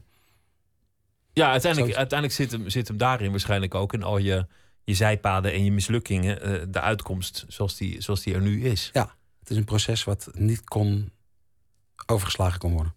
De verwachtingen over de film zijn uh, gigantisch. over bloed, zweet en tranen. andere films hebben hun premières eventjes eromheen gepland. En dachten, ah, laten we niet die week doen, want dan gaat alle aandacht toch naar, naar Hazes. Dus dat doen we een andere keer wel. Ja. Um, heb je zelf in die zin verwachtingen? Of, of hoop in, een bepaalde richting? Nou, dat, ik hoop vooral heel erg dat die film aansluiting vindt bij heel veel mensen. Dat het ze, dat het ze iets oplevert en dat ze, dat ze er genoeg aan beleven. Maar ook dat ze misschien wat meer begrip krijgen voor de figuur Hazes... als ze dit stukje van de jaren zestig dan zien. Het kleine jongetje wat zo verschrikkelijk uh, penibele situatie leeft. Ja. Maar ik, ik ben vooral benieuwd uh, of, of dit een film is die het ook op festivals in het buitenland goed zou kunnen doen. Of wat die kennen Hazes niet. Nee. Die, die, die snappen het gevoel niet en de teksten niet. Maar het, het, blijft toch ook een film die heel erg over universele dingen gaat. Ja. Het is, eigenlijk is het gewoon, ja, het is uh, Griekse tragedie. We weten hoe het afloopt. Maar we zijn toch heel geïnteresseerd in ja, hoe, hoe, hoe, wat, er, wat er dan voor, voor zich aan vooraf gaat. Ik kan me best voorstellen dat deze film in het buitenland nog. Uh, een soort cultstatus ja, of zo. Ik bedoel, cult, ja. ik bedoel ja, het, het, niet voor een groot publiek, maar voor ja, voor een enkeling die dat, die dat snapt. Ja, die muziek is natuurlijk, bij ons hoort het. En ja, ik kan me voorstellen dat het toch best entertaining is als je er naar kijkt zonder dat je er die band mee hebt. Ja, ik denk dat het best zou kunnen. Wat heb je zelf geleerd van, uh, van, van Hazes? Um, nou, wat ik. Uh, dat vind ik moeilijk. Nou, van Hazes zelf. Mm, nou, dat weet ik niet. Maar van alles wat er uh, uh, moest gebeuren om Hazes te spelen, daar heb ik heel veel van geleerd. Dus je begrijpt wat ik bedoel. Dus ik, ik, ik, ik, ik, heb, ik heb beter leren zingen, al die, al die dingen, altijd het hele technische aspect. Maar je bedoelt eigenlijk. Als mens, als persoon. Van, of, of André Hazes is echt een levensles voor mij. Uh. Ja, iets van ding van goh, zo deed hij dat, zo, zo dat. Nou, ik heb eigenlijk heel erg, erg geleerd dat, dat zeg maar de romantiek van bijvoorbeeld de, de zelfkant van dat leven, dat dat niet echt is. Zo dat, romantisch dat is het niet. Zo romantisch is het niet. Het is gewoon pijnlijk en rottig. Dat lijkt me ook. Ja. Dank je wel dat je te gast wilde zijn. En heel veel succes met alles wat er uh, gaat gebeuren.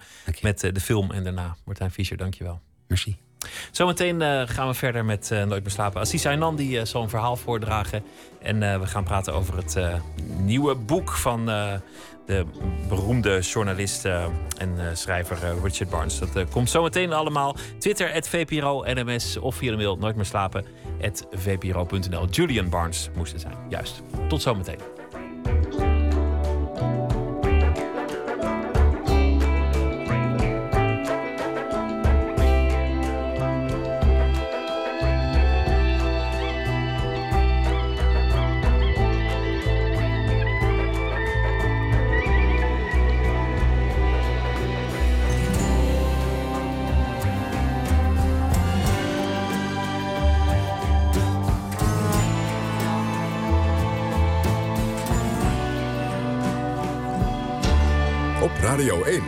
Het nieuws van alle kanten.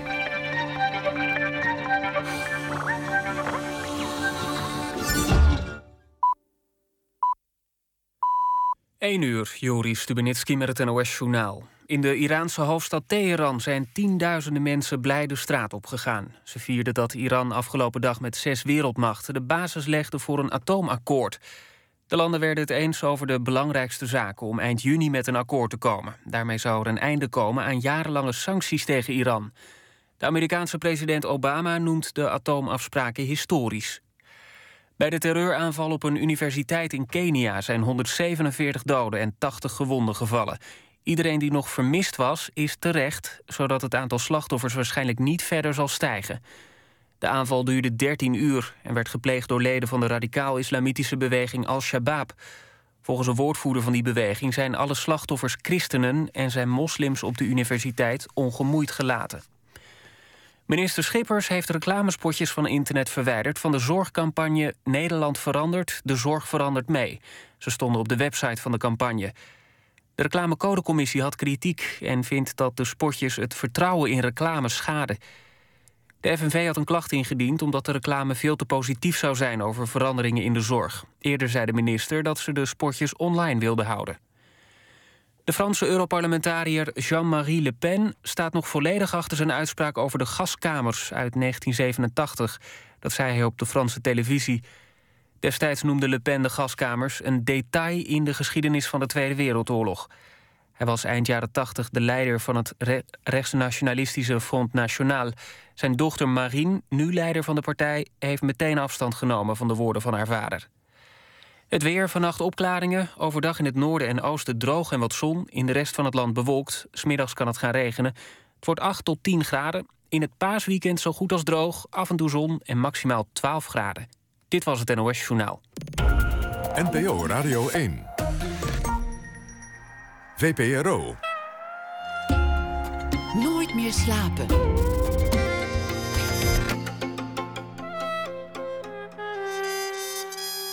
Met Pieter van der Wielen.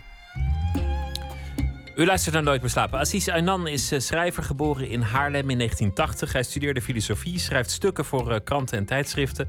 Hij is de oprichter van de Berberbibliotheek. En dat is een reeks waarin eh, klassiekers uit Berberlanden verschijnen. Hij schreef onder meer Veldslag en andere herinneringen, Ik, Dris en Gebed zonder eind. Deze week schrijft hij elke dag een verhaal voor ons. En dat draagt hij na één uur voor. Goedenacht, uh, Assis. Goedenacht, Pieter. Hallo. Vertel eens, wat was het voor dag die achter ons ligt? Ehm, ik uh, kwam op YouTube een filmpje tegen. En dat ja goed, het is niet echt actualiteit, maar goed, alles wat op het internet staat blijft actueel. Ook uh, zoals deze uitzending hè, die straks op het internet komt, blijft ook actueel. En ik zag een opname die in het Amsterdamse Theater Carré was gemaakt. En het was een, als, ja, een soort van amusementsavond waar onder andere cabaretier Najib Amhali optrad. En er was ook een documentaire van, uh, even kijken, de documentaire heet Mijn vader expat. Er was ook een uh, toneelstuk van de acteur Nasreddin Char, die een toneelstuk speelde over zijn moeder.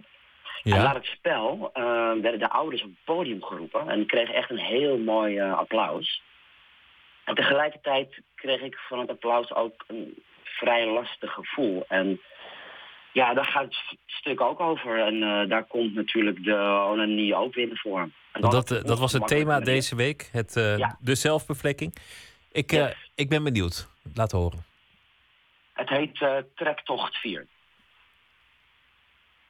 Toen ik een aantal jaar geleden samen met Hassan Bahara aan de gastarbeidersroman Ik Dris werkte, vroeg ik mij regelmatig af waarom een boek over de eerste generatie gastarbeiders. Het antwoord was iedere keer dat die groep geen roman had. Wel waren ze door statistieken gekneed tot diagrammen en grafieken. Die ons vertelden welke ziektes en hoeveel uitkering. De tijd van aankomst wilde ik romantiseren. Ik had geen zins de bedoeling de gastarbeider, de vader, naar een heldenstatus te schrijven. Onlangs was in Theater Carré een avond over de Marokkaanse gastarbeiderouderen. Na afloop verscheen een papa op het podium die met zijn armen hoog in de lucht een staande ovatie ontvangst nam. In de Marokkaanse cultuur is de moeder God en de vader held. Vooral dat heldendom hekel ik. Kijkend naar de eerste generatie vader zie ik iemand die hier naartoe geëmigreerd is en zijn kinderen met die economische verhuizing chanteert. Die in een ziekelijke aanbidding resulteert. En die verering heeft het gevolg dat de puberteit wordt overgeslagen. Waardoor niet tot wasdom gekomen kan worden. In november verschijnt Gezichten van Mohammed Shukri. In die roman toont Shukri in een van de verhalen hoe, ver, vaderverering ontspoort. Er is een vader. Hij is oorlogsinvalide. Die door zijn zoon Alel wordt verzorgd. Alel is bang dat zijn papa hertrouwt. De chantage van vader dwingt Alel hem in bad te bevredigen. Morgen verder. Morgen verder over de, de vaderverering. ja, die, die Nasrin Jar, ehm, die je net noemde, die heb ik uh, geïnterviewd. En die vertelde daarover dat hij eigenlijk zijn ouders bewondert. Omdat zij liever terug waren gegaan, maar dat ze hier zijn gebleven. Omdat ze dachten, in dit land waar we ons eigenlijk niet helemaal thuis voelen... geven we de beste toekomst aan onze kinderen. Dat, dat, dat vertelde hij erover. Ja, klopt. Kijk, maar, kijk migratie is uh, Faust. Hè? Uh, namelijk, is een, uh, het is een duivelsverbond. Namelijk, ehm, ehm, je verhuist en je krijgt het economisch beter... en je kinderen krijgen een, een betere toekomst, een betere opleiding. Maar migratie pakt heel veel van je af. Namelijk, het kleedt je uit. Het kleedt je cultureel helemaal... Ja, weet je, je, je blijft cultureel staan in je naki. En dus toen ik die uh, ouders, toen ik die papa op het podium uh, zag, toen dacht ik, ja, bedoel, het is natuurlijk heel fijn dat, dat die ouders uh, van ons, dus die eerste generatie ouders naartoe, zeg maar naar Nederland zijn gekomen, naar Europa zijn gekomen. Maar ja, zijn het helden? Dat weet ik niet. Nee, het is gewoon gegaan zoals het is gegaan. En ja, het, het, is, het is eigenlijk ook gek hoe lang het, hoe lang het blijft doorgaan, hè, dat migratieverhaal. We hebben het dan over uh, derde generatie vaak inmiddels. Binnenkort vierde generatie. En, en, soms denk ik, zullen we het er na zes, zeven generaties nog steeds over hebben... wie, wie oorspronkelijk van de migranten stamt? Wanneer, wanneer, uh, wanneer houden we er eens lekker over op? Uiteraard, hè, zoals je net zei. Uh, migratie is namelijk een duivelsverbond. En um, op het moment dat je je gemigreerde vader tot held maakt... ja, dan... Ja, dat, dat, dat, bedoel ik. Ik denk altijd dat je zeg maar, wat ik ook in het stuk zeg. Ehm, op het moment dat je je ouders uh, vereert en uh, blijft vereren, ja, dan kan, dan kan je nooit zeg maar in rijden komen met je, met je ouders. Dus eigenlijk, hè, zoals de natuurlijke weg is, dat is namelijk dat je moet rebelleren tegen je ouders. Dat doe je namelijk in je puberteit. En ik denk namelijk, omdat die vaderverering, en ook vooral de vader, hè, dus, dus, dus, dus die vaderverering, omdat die dus plaats heeft gevonden, um, ja, is, is er nooit een uh, hele gezonde relatie tot stand gekomen. Eigenlijk gaat het krijg... al de hele week over, over de noodzaak tot puberen. Dat heb je goed gezien, Pieter. Ik uh, wens iedereen een, uh, een wilde puberteit toe en schud de ketens los als het nog niet gebeurd is. doe het alsnog, het is nooit te laat. En maak je los van de erfenis van je, je ouders en alles wat ze je hebben gegeven. Het is, het is Goede Vrijdag en daarom zeg ik amen. Dankjewel, Assis. Hey, goeienacht. Uh, morgen weer een verhaal. En nou ja, voor nu een goede nacht dus. Tot ziens. Dankjewel. Bob Dylan die, vertrok eind jaren 60 naar Nashville, Tennessee. Hij had de bedoeling om een country album te maken. En dat is opmerkelijk te noemen, omdat hij een paar jaar daarvoor elektrisch ging spelen. Dat werd hem niet in dank afgenomen door zijn trouwe schare fans. En dit was zo mogelijk nog een veel grotere stap.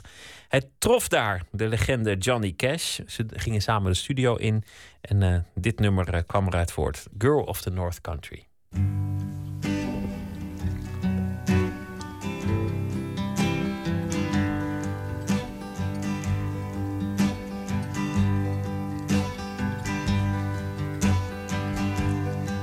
If you're traveling to the North Country Fair, where the winds hit heavy on the borderline, remember me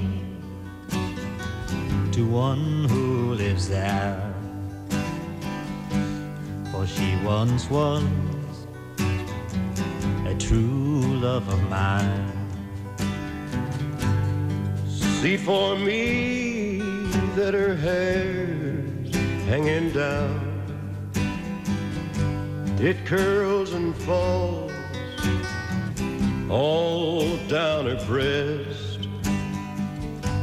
See for me that her hair's hanging down. That's the way I remember her best. If you go.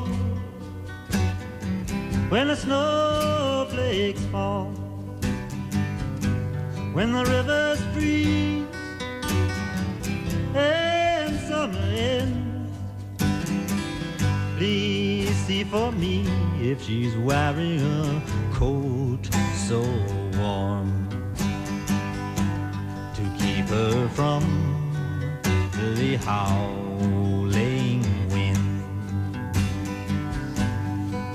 If you're traveling in the North Country Fair,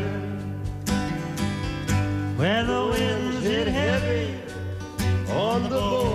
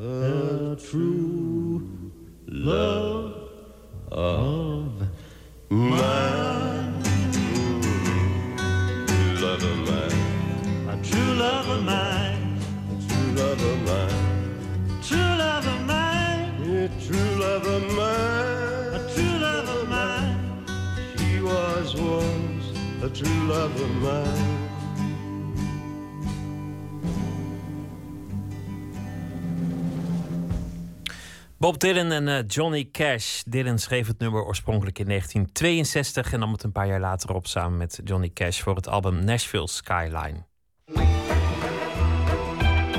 Nooit meer slapen. Hoe werken bekende kunstenaars, schrijvers, filmmakers en andere creatievelingen? Oftewel, welke rituelen houden zij erop na? De Amerikaanse schrijver Mason Curry schreef daar een boek over, getiteld Dagelijkse Rituelen. Journaliste Eva Hoeken werkte mee aan de Nederlandse editie van het boek en Anton de Goede die zocht daarop.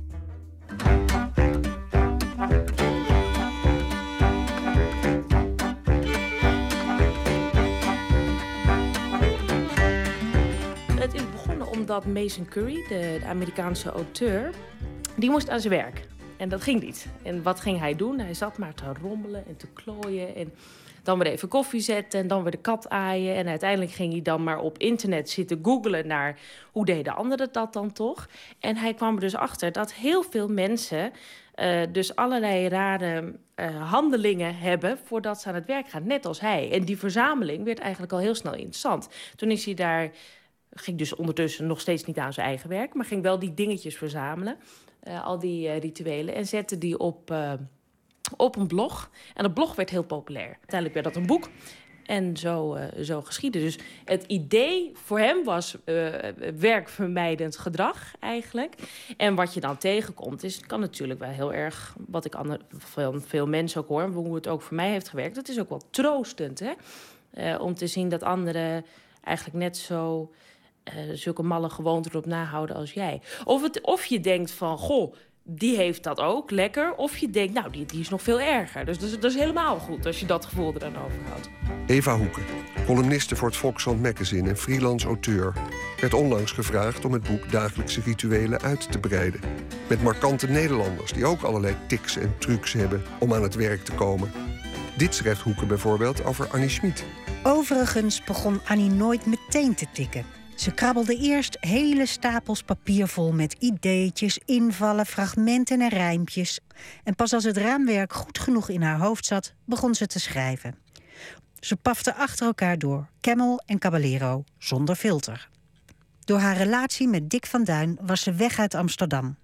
Weg van vernissages en boekuitreikingen en allerhande partijtjes die haar in de stad zo makkelijk uit haar concentratie trokken. In Berkel en Roderijs was niets. Zelfs voor het raam zat Luxaflex om niet afgeleid te worden. En zo kwamen Wiplala, Pluk van de Pettenflat en Ja-zuster, tot stand. Zwoegend, ploegend, maar ze kwamen er. Of, zoals Annie zelf zou zeggen, doe nooit wat je moeder zegt, dan komt het allemaal terecht. Wat ik bijvoorbeeld bij Annie M.G. Smit zag. Zij zegt, uh, of haar stelling was... het aarzelen staat me nader dan het toetreden. En dat is dus wat, iets wat heel veel mensen herkennen.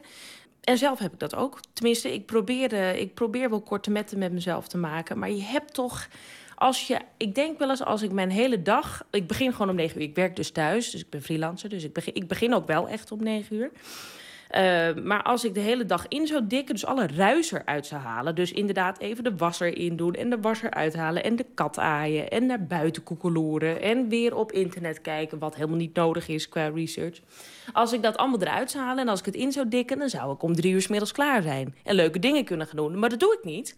Nee, ik blijf liever dus uh, mijn tijd zo invullen dat ik uiteindelijk om negen uur s avonds nog het laatste moet doen.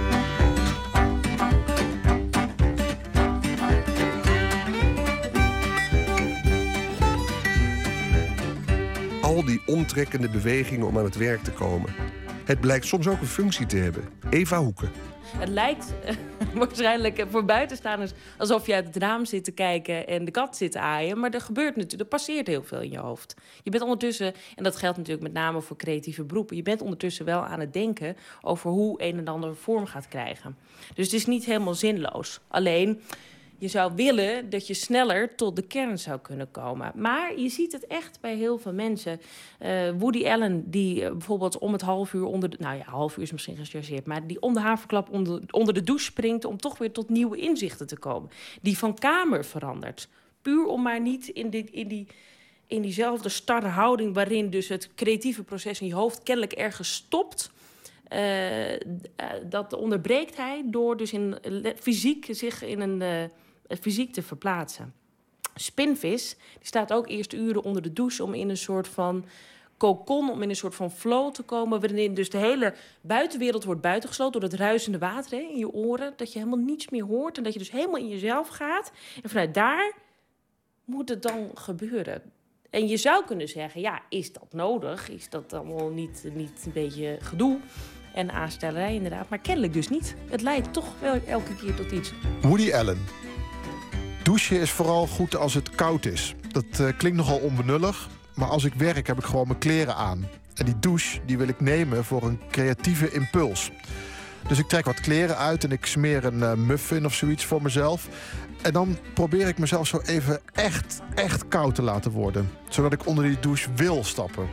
En dan sta ik daar onder kokend heet water, 30 of 45 minuten alleen maar ideeën te verzinnen en de plot uit te denken. Wat ik ook zo grappig vond, is dat Spinvis zich elke dag, want die werkt ook thuis of vanuit huis. En hij, uh, hij kleedt zich elke dag mooi aan. Ik heb dat, doe dat zelf niet. Ik heb echt dagen, als ik bijvoorbeeld geen afspraken heb, dan zit ik echt in elke dag mezelf de kloffie en haar in de staart zit ik weer de, achter mijn bureautje. Maar hij zegt, ik kleed me elke dag mooi aan, zodat ik elke dag, dus inderdaad met, met, met een das en met een. Uh, met een jasje en met, met gepoetste schoenen, bij wijze van spreken. Hij zegt omdat ik dan elke dag weer in functie treed voor mezelf. Dus elke dag doe ik een beroep op mezelf om als baas van mijn eigen bedrijfje aan de slag te gaan. En dat is best een goede tip, denk ik. Wie kan het wezen, het waarmerk van de kunstenaarsnatuur ontrafelen? Wie kan die diepe, instinctieve mengeling van discipline en losbandigheid bevatten waar dit alles op rust? Thomas Mann. Je hebt toch daar romantische ideeën bij van het schrijversleven. En dat je dan s ochtends een paar uurtjes werkt en dan lekker gaan lunchen in de stad met wijn en met, met vrouwen en met en met sigaretten. Nou ja, dat kan al niet eens meer. Maar, dus daar heb je idee over. Maar dat zou voor mij niet werken. Want als ik smiddags denk, dan kan ik om vijf uur mijn bed in. Dat, uh, dan is het klaar. Um, dus dat zou voor mij niet werken. Wat ik wel, wat voor mij goed, of wat me de ogen deed openen, is dat de hele grote jongens, en daar tel ik uh, Annie M. G. Smit ook bij, dat die dus allemaal topte en allemaal twijfelden en allemaal aan het talmen waren. En als je dat dan denkt, hè, zo Annie M.G. Smit, die altijd maar bang was, ze vergeten me. Of ze willen me niet meer. Of ze komen geen opdrachten meer uh, bij me neerleggen. En dan denk je zelf, Annie M.G. Smit, kom op, weet je wel, je zou nergens bang voor hoeven zijn. Of uh, Gustave Flaubert van Madame Bovary, die zich ongeveer jankend op zijn bank stortte van ellende, van het lukt weer niet en het is weer niks en ik kan het niet en waarom doe ik dat? En dat werd dus, waar, waar hij het over heeft, is dus later Madame Bovary geworden. Nou, weet allemaal hoe dat is afgelopen. Dus dat geeft de moed van, het komt goed. Het is al goed waarschijnlijk, alleen zie je het zelf niet. En dat is wat ook wat Spinvis natuurlijk vertelt. Um, je mag erop vertrouwen dat het al goed is. Alleen het punt is, zelf weet je wat het had moeten worden. Zelfs had je, zelf heb je in je hoofd van dit is wat ik wil doen. En dat lukt natuurlijk nooit helemaal. Dus is het altijd mislukt. Maar dat is het niet. Want de ander ziet gewoon wat het is geworden. En dat is heel mooi op zichzelf. Daar mag je op vertrouwen. Dat is natuurlijk wel een heel plezierige boodschap. Gustave Flaubert. Ik hou van mijn werk met een uitzinnige en verwrongen liefde, zoals een asceet houdt van het ruwe overhemd dat over zijn buik schuurt. Soms, als ik me leeg voel, als de woorden niet komen, als ik merk dat ik geen enkele zin heb geschreven, na bladzijden volgekrabbeld te hebben, dan stort ik neer op mijn bank en ligt daar verdwaasd en vastgelopen in een moeras van wanhoop, vol zelfhaat en mezelf de schuld gevend van deze krankzinnige hoogmoed die me doet hunkeren naar een droombeeld. Een kwartier daarna is alles veranderd en klopt mijn hart weer vol vreugd. Veel kunstenaars getop in het boek Dagelijkse Rituelen, waaruit dus zeker lessen zijn te trekken. En wie mocht denken, waar gaat het allemaal over? Gelukkig ontbreekt de Hollandse nuchterheid niet. Want Eva Hoeken heeft tussen alle artiesten en kunstenaars ook een hoofdstukje gewijd aan niemand minder dan Albert Heijn. Albert Heijn? Nou ja, hij is natuurlijk de bekendste grootgrutter van Nederland. En het aardige is, is dat hij je zou zeggen, dan, je stelt je dan zo'n enorme CEO voor met alle die met uh, limo's naar het werk komt op een zeker moment. Maar hij het credo van Albert Heijn is natuurlijk dat, uh, dat ze doe maar nou niet uh, nee ja let op de kleintjes hè. Je zo'n soort doe maar normaal dan doe je al gek genoeg uh, attitude. En dat komt dus rechtstreeks van Albert Heijn die ja, in, inderdaad in hemdsmouwen aan het werk ging en wars was van ja, mensen die hem op die manier benaderden en daar ook helemaal geen zin had en daar ook helemaal niets mee kon. En dus in die zin dus ook niet zo heel veel met dagelijkse rituelen had. Want dat vond hij allemaal aanstellerij. En zijn idee was toch van, ja, je bent niet bijzonder. Je kan hooguit iets bijzonders gaan betekenen voor de wereld. Maar dat is met hard werken en tussendoor ja, gewoon je best doen. En je bent niet zomaar bijzonder. Dus al die dagelijkse rituelen van anderen. Uh, Beethoven die de dag begon met een kopje koffie... dat van precies 60 bonen was getrokken... dat zou hij zeker aanstellerij hebben gevonden.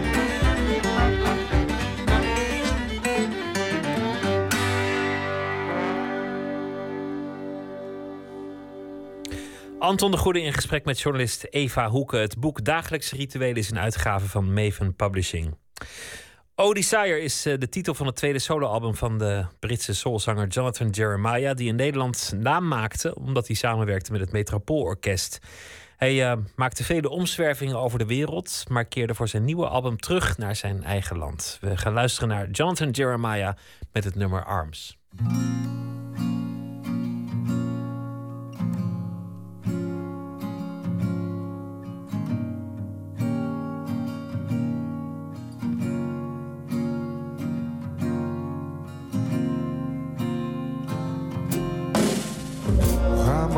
Days shy of a shutdown. I'm a couple years over this town. I'm a couple more stops on the. For back where I wanna be, back where I wanna be. I just collected my this month's paycheck. I earn it, but the gas will spend it. All the loan sharks want to lend it. Take another chunk out of me another chunk out of me. In these aching arms is where I wanna keep you. Cause when I, cause when I hold you close, this is all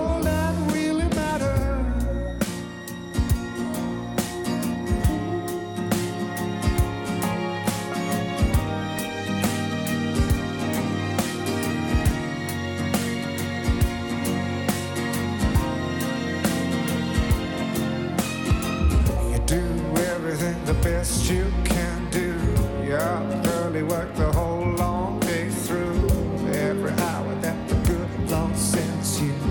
Then you're lying in bed, moonlight creeping under lashes, yeah, creeping under lashes, yeah. While I'm dreaming of a house in Sydney on the rocks, but nothing too fancy. Just the Tasman Sea for company. But even if we don't get there. The street. In these canals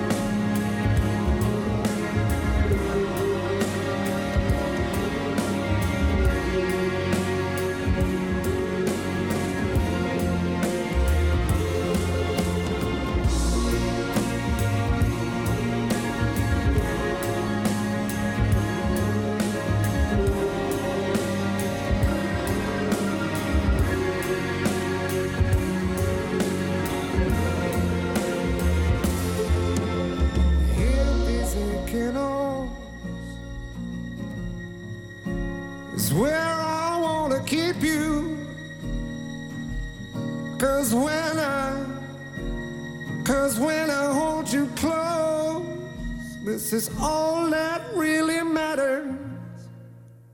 Jonathan Jeremiah met het nummer Arms. Nooit meer slapen. Deze week van de drukker gekomen de Nederlandse vertaling van het nieuwe boek van Julian Barnes, Britse auteur, inmiddels 69 jaar oud. Hij is de schrijver van beroemde boeken als Flaubert's Papegaai en De geschiedenis van de wereld in 10,5 hoofdstuk. Het nieuwe boek heeft als titel In Ogenschouw en het gaat hier om een bundel essays over kunst. Nachtcorrespondent Anton de Goede, goeienacht. eh ja, Julian Barnes, een literaire legende. Dat is altijd een grote gebeurtenis als hij iets eh, uitbrengt. Ehm, wat kan je vertellen over Barnes? Ja, eh, Barnes, de man, nou ja, je zet hem goed neer. Wereldberoemd, in 30 talen vertaald. Bekendste boek inderdaad dat Flaubert's Parrot, Flaubert's papegaai uit 1984.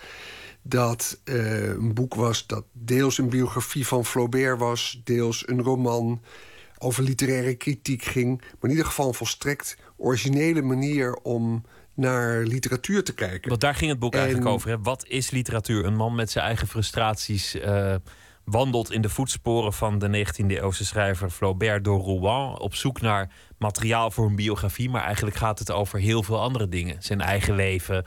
ehm, de vraag wat literatuur eigenlijk is. Wat je eigenlijk met een biografie aan moet. Heel knap gedaan. Heel bijzonder boek. Ja. En heel veel verkocht, want het werkte dus kennelijk voor een heel breed publiek. Dit boek, In Ogenschouw, is traditioneler. Essays over beeldende kunst.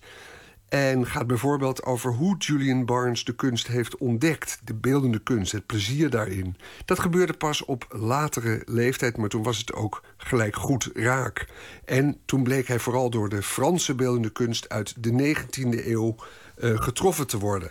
Een van de weinigen die dit nieuwe boek al van kaft tot kaft gelezen heeft, is Joost Zwageman, de romanschrijver die vooral de laatste jaren ook zoveel over kunst publiceert. In de Volkskrant, in boeken. En ook in de Wereld Draait Door weet hij voor een breed publiek eh, zijn enthousiasme over te brengen. Ik sprak hem eerder vandaag onder andere over de invalshoek die Julian Barnes nu koos in de inleiding van dit boek. Hij blikt terug op zijn jonge jaren en voor hem was kunst echt iets waar, bij wijze spreken, alle 18, 19-jarigen enorm de geelhonger van krijgen, zo niet van op de vlucht slaan. Dus hij, eh, eh, voor hem was kunst lange tijd verbonden aan het verplichte uitstapje eenmaal per jaar naar een theater. Of hij slenterde met vader en moeder ook eenmaal per jaar mee. Enorm tegen zijn zin, naar een plaatselijk museum waar je omviel van verveeldheid. Dus uiteindelijk met, met, met, het, met het ouder worden en zo, toen hij zo halverwege de jaren twintig was, ehm, belandde hij in een museum en kreeg hij alsnog, zal ik maar zeggen, werd hij aangeraakt door de goden. En vervolgens is hij totaal ehm, eh, met een vrije slag, dus niet gehinderd door een dwang van een studie of iets dergelijks. Is hij met een vrije slag gaan ontdekken wat hij mooi vindt. En hij ontdekt al heel snel eh, dat het met name de kunst, de Franse kunst uit eind 19e eeuw eh, was en is waar hij van houdt. Al dus Joost Zwagerman. Ja, en wie dus iets zoekt over de 20e eeuw, die komt er wat bekaaid van af. Ehm, hij schrijft uh, over Bonnard, over Degas, over Cézanne. Oldenburg is nog een, een van de pop-art kunstenaars die nog wel enige eer van hem krijgt. Maar in een stuk over Oldenburg staat tussen de regels door toch ook venijnige kritiek op pop-art. Uh, ik zal een grappig citaat geven. Uh, waar hij een vergelijking maakt met het Engels Koningshuis en Andy Warhol. En dan heeft hij het over Fergie. Uh, dat is dan Sarah Ferguson, de ex-vrouw van prins Andrew. Fergie heeft als lid van de koninklijke familie een heleboel plezier beleefd en een hoop geld verdiend. Voor Andy Warhol en kunst geldt hetzelfde. Dat zijn stekelige, wat polemische uitlatingen. Ik vroeg aan Joost Zwageman of hij zich door zo'n stellingname van Julian Barnes eigenlijk laat overtuigen. Nee, zeker niet, want hij schrijft zijn stukken ook niet om mij, de lezer, te overtuigen. Het is, daarom, het is ook dus echt geen kunstkritiek, het is geen opinierend artikel, het is geen beoordeling. Uh, je wordt aan de hand meegenomen als lezer door de schrijver. Hij sleurt je een fantastisch verhaal in. Het levensverhaal van Bonnard, om hem weer even te noemen. En hij wil je zeker niet bekeren. Het is geen evangelist. Het is ook geen opiniemaker. Het is een verhalenverteller die hoopt dat je gefascineerd bent door het verhaal dat hij weet te vertellen over Bonnard. En als je dan uh, ook nog eens een keer onder de bekoring raakt van het oeuvre van Bonnard zelf, is dat mooi meegenomen. Maar je hoeft helemaal niet van Cézanne of Bonnard te houden om toch te genieten van deze verhalen. Ja, over uh, Bonnard, uh, uh, onder andere, van wie dit jaar een heel grote overzichtstentoonstelling te zien zal zijn in Parijs, die daarna nog op reis gaat. Wie komen er nog meer aan bod? Ja, dat, daarover straks, want ik vroeg hem, omdat hij het zo over die Bo Bonnard had, vroeg ik aan Joost Zwageman, maar ehm, wat vertelt hij daar dan precies over in dat hoofdstuk? Luister. Dat essay over Bonnard heet Marte, Marte, Marte. dat is een vrij voorhand liggende titel, want Bonnard schilderde 35 jaar lang vrijwel uitsluitend zijn geliefde van al die jaren. Zijn, zijn muze Marten. Nou, daar is al heel veel over geschreven. Wat kun je daar nog aan toevoegen? Hij maakt er een spannend verhaal van. Hij duikt de biografieën in over de kunstenaar. En ontdekt eigenlijk, of probeert een verklaring te vinden voor het feit dat zo'n gefixeerde en binnenskamers blijvende kunstenaar Bonnard telkens maar weer zijn eigen vrouw schildert. Is de wereld niet groter? Moet je niet net als Matisse de wereld in en ligt het paradijs niet elders? Nou, in zijn jongere jaren uh, had uh, een andere romans. Dat meisje dat stierf door eigen hand. Die zelfmoord is Bonnard onder de huid gaan zitten. Groeide vervolgens, leefde vervolgens met een enorme angst door ofwel verlaten te worden ofwel de ander te verlaten. Niet nog eens iemand die mij eerst verlaat of door wie ik, wie ik zelf verlaat en daarna sterft door eigen hand. Dus eigenlijk is het een soort mengeling van angst en, en wereldvreemdheid... waardoor hij bij Marten is gebleven. En die constatering geeft Barnes dus in. Kijk ook eens naar het werk van Bonnard. Niet als de suikerzoete man die zijn, zijn vrouw op voetstuk uh, plaatste... maar ook door de man die eigenlijk niets anders kon, gedreven door die angst. Nou ja, in welke kunstkritiek vind je zoiets? Dat is meer het werk van een biograaf. Je zou ook kunnen zeggen, het boek van, van Julian Barnes in ogenschouw bevat eigenlijk 10 à 15 mini-biografieën. Ja, het klinkt wel aanstekelijk als ik het zo hoor. Ik bedoel, uh, het, het ja, mij het is heerlijk. Het is, het is heerlijk geschreven.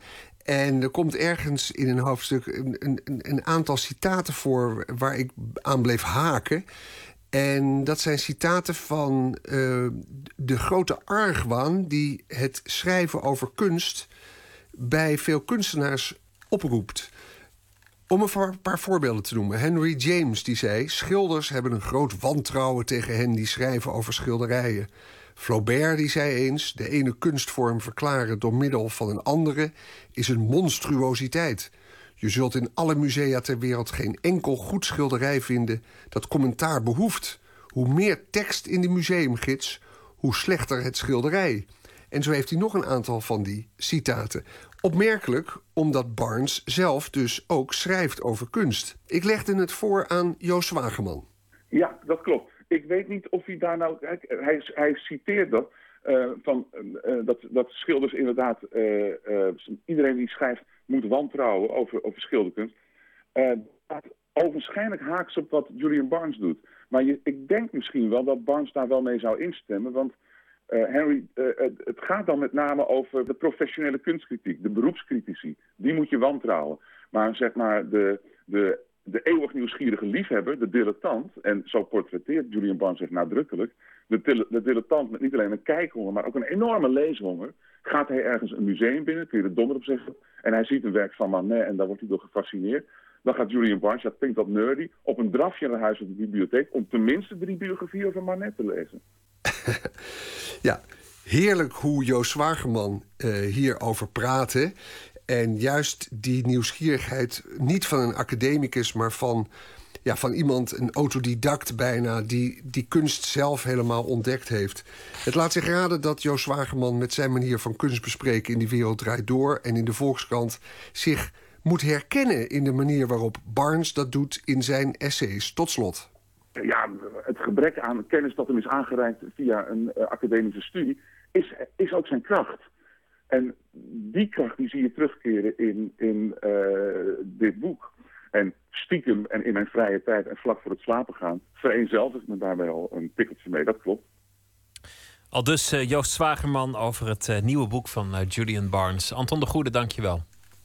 Goeiedag, dankjewel Pieter. Joe Simon begon ooit uh, als uh, zanger in het kerkkoor. En na een uh, flinke carrière in de muziekindustrie keerde hij weer terug in de kerk. En gebruikte hij deze prachtige stem alleen nog maar om de Heer te prijzen. Tussenin had hij nog een fase dus als zoolzanger. Uit die tijd draaien we nu het nummer Drowning in the Sea of Love. Hier is Joe Simon.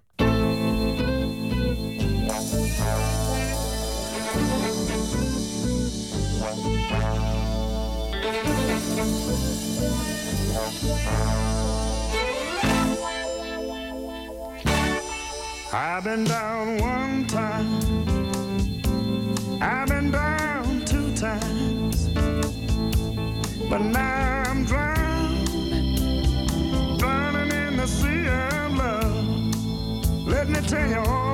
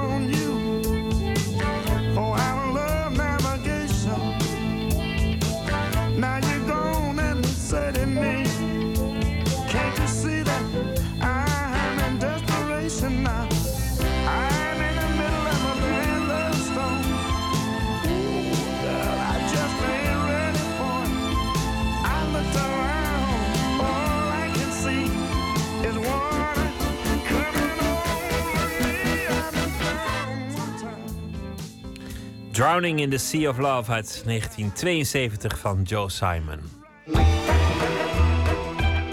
Nooit meer slapen. Het is eh, aannemelijk, eh, waarschijnlijk, misschien wel meer dan waarschijnlijk, eh, laten we er gewoon van uitgaan, dat u de carrière van punkband Schmucks 44 niet heeft meegekregen.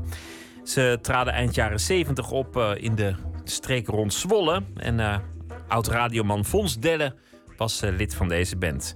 Zijn romandebuut, Echte Vrienden, gaat over die band. En ja, dan komt de band dus ook weer bij elkaar om de leden uit de brand te helpen.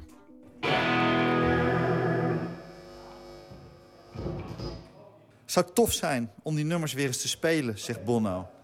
Moi, reageer ik. Reunies? Ik haat ze. Punkbands doen daar niet aan. Nou, gewoon voor de lol. Dus kijken hoe het nu zou klinken. Waarom niet, zegt Bono. En dan zeg ik... Ik zag laatst in de Mojo een foto van de reunie van de Sex Pistols. Vier mannen van middelbare leeftijd met buikjes, bedjes en opgeschoren punkkuiven. Dad's Army stond erboven. Daar komen de schutters. Bono moet lachen en drukt op de eject-knop. Smux44, live at the laundry, schuift de videorecorder uit. 1, 2. We spelen ehm, onze twee van. Wij hadden twee hits. Echt die massaal werden meegebruld eh, tijdens onze optredens. I Don't Want No Polio.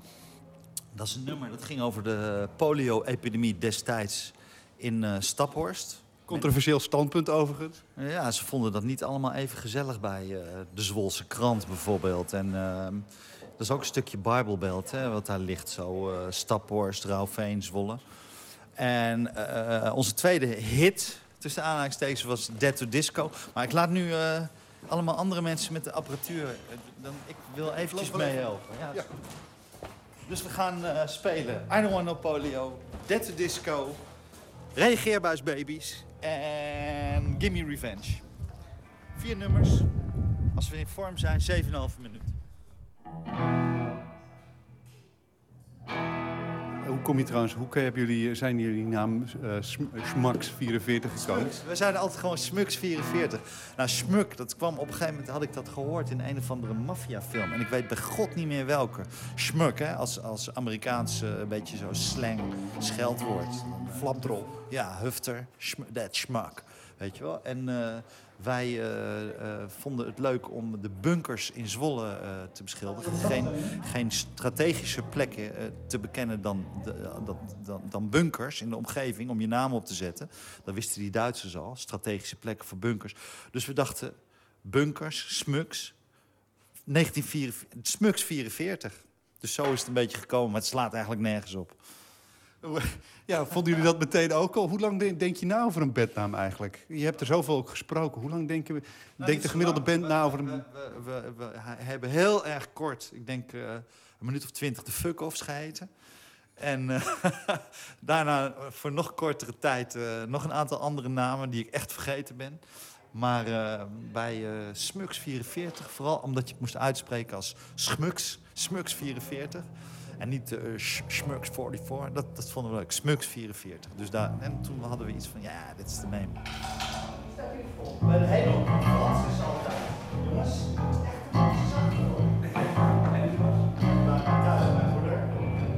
Dit is een stukje dan, eh, dat ze eigenlijk in het begin eh, dat eh, de drummer Richard op weg is naar de andere gate in Frankfurt om ehm, eh, over te stappen naar een eh, vliegtuig dat hem naar Zurich zal brengen. En hij is in de veronderstelling dat zijn, dat zijn koffer al lang in het vliegtuig is overgeladen en dat het allemaal goed gaat. Oké. Ehm, het borden van Lufthansa vlucht 0711 via Zurich naar Rome begon, werd omgeroepen. Door de glazen wand van de wachtruimte verdwenen de eerste passagiers al in de slurf. Ik zag twee mannen met oortjes de rij observeren vanaf een entresol boven de tourniquets. Ik sloot aan en haalde de instapkaart uit mijn binnenzak. Mij kon niks gebeuren, dacht ik. Maar op het moment dat ik mijn boardingpas voor de scanner hield en tegen het draaihekje duwde, sloeg de schrik me om het hart. Het hekje blokkeerde, een sirene begon te loeien, oranje lichten aan weerszijden van de tourniquet flitsten aan. Mijn hart ging als een gek tekeer. In paniek draaide ik me om naar de vrouw achter me en stamelde iets over een defecte boardingpas. Op hetzelfde moment werd ik bij mijn polsen gegrepen.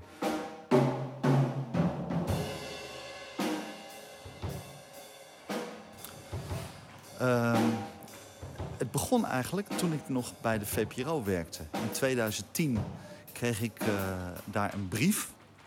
Een brief van een oude vriend die ik heel lang niet had gezien. Die ooit de drummer was in Smux 44. De punkband eh, die zo dadelijk hier gaat optreden. Waarmee we eh, een, een, een maand of wat wereldberoemd waren. In Zwolle, dat moet ik erbij zeggen. En eh, die brief die ik kreeg in 2010 van die vriend die ik zo lang niet gezien had... eh, die eh, kwam uit de gevangenis in Kassel in Duitsland. En daar bleek hij, schreef hij, vijf jaar uit te zitten... wegens het smokkelen van bijna vijf kilo cocaïne van Sao Paulo naar Zurich. En in Frankfurt moest hij overstappen. En daar is hij gepakt. Met het idee van, nou, daar stap ik alleen over. En daar zetten ze mijn bagage eh, eh, zonder mij om. Maar er zat natuurlijk een label met zijn naam op. En hij, hij werd eh, vastgenomen. Hem kon niets gebeuren. Hem kon niets gebeuren. Maar, eh, ehm, Maar dat is eigenlijk, dat, die brief... Die brief, toen, toen intrigeerde me van... Goh, wat is er in godsnaam geworden van deze intelligente jongen... uit een keurig gezin, creatieve gast... eh, dat hij zo dom is geweest om met zo'n hoop eh, eh, drugs in zijn koffer op pad te gaan. Want dan is het percentage kans dat je gepakt wordt natuurlijk. Dus ik dacht van, goh, weet je, daar zit misschien wel een documentaire in. Ik werkte nog voor televisie, bij wijze van spreken. Hè? Dus ik dacht, maar op een of andere manier is dat er niet van gekomen. En ik ben gaan schrijven. Dat vond ik leuk. En meteen nam het verhaal eh, in mijn hoofd, zeker nadat ik hem had opgezocht in de gevangenis, eh, nam het verhaal in mijn hoofd eh, nog veel spectaculairder wendingen dan het eigenlijk had. Dus ik dacht van, ja, documentaire, eh, misschien moet ik hier gewoon een roman over schrijven. Het ging zo snel dat ik nauwelijks in de gaten had wat er gebeurde. Een van de mannen van de entresol hield een pasje voor mijn neus. Herr Brandt, Sie sind voorläufig vastgenomen. Bad news. Ze kende zelfs mijn naam. In de reflex probeerde ik me los te rukken. Volkomen zinloos natuurlijk. De greep om mijn polsen werd steviger, de blikken dreigender. Sie sollten ruhig blijven, Herr Brandt, zei een van de mannen. Het waren er drie. Een ander haalde een tie-wrap tevoorschijn en bond mijn polsen voor mijn buik. Ik zweette over mijn hele lichaam. Mijn rugtas had ik laten vallen, net als mijn paspoort en de boardingpas. Een agent raapte de spullen bij elkaar en liet die in een plastic zak glijden. De sirene was gestopt, maar de alarmlichten knipperden nog steeds. De andere wachtenden hadden zich uit de voeten gemaakt... en volgden mijn arrestatie vanaf veilige afstand. Wijzend, fluisterend, met grote ogen. De tie-wrap sneed in mijn polsen. je schrijft heel efficiënt. Nou, je schrijft als een punker. In die zin dat, dat er, er zijn weinig, weinig bloemrijk. Dat je dat zegt, dat vind ik echt gek. Weet je waarom? Het is, kijk, ehm, ik hou nog steeds ontzettend van allerlei eh, soorten eh, muziek. Eh, van popmuziek tot jazz tot, de, en, en dan echt de uiterste, de uitersten binnen al die genres. Allemaal door elkaar. Ik heb een heel, wat je dan noemt, eclectische smaak, weet je wel. Ik vind ontzettend veel dingen tof. Wat ik echt, wat, wat, wat, wat, wat nooit zal worden overtroffen... is het gevoel wat ik kreeg in de punktijd. Mijn eerste punk-singeltje was Anarchy in the UK van de Sex Pistols. De directheid en de oerkreet van de rock and roll en de, de scherpheid. Geen woord te veel, geen noot te veel, drie akkoorden, paf. Alles dat kunnen vertellen. Of bijna alle nummers van de Ramones, weet je wel. Dat zijn gewoon, dat zijn eh, eh, short, short stories. Geen woord te veel. En zo heb ik inderdaad heel erg proberen eh, te schrijven. Dat boek Echte Vrienden, het mooiste compliment wa- wat je me kan geven... is het is net een Ramones-song, een punk-song. 1, 2, 3, go. 3, 2, 1, stop.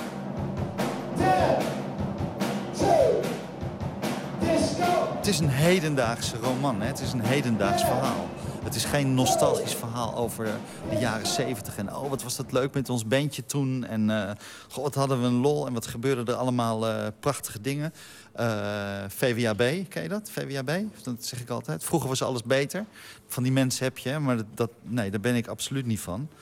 Ik, eh, ik ben ehm, eh, heel blij dat ik die tijd, die jaren, eind jaren 70, dat ik die heb mee mogen maken. Met een bandje, een heel snel opgebrand bandje.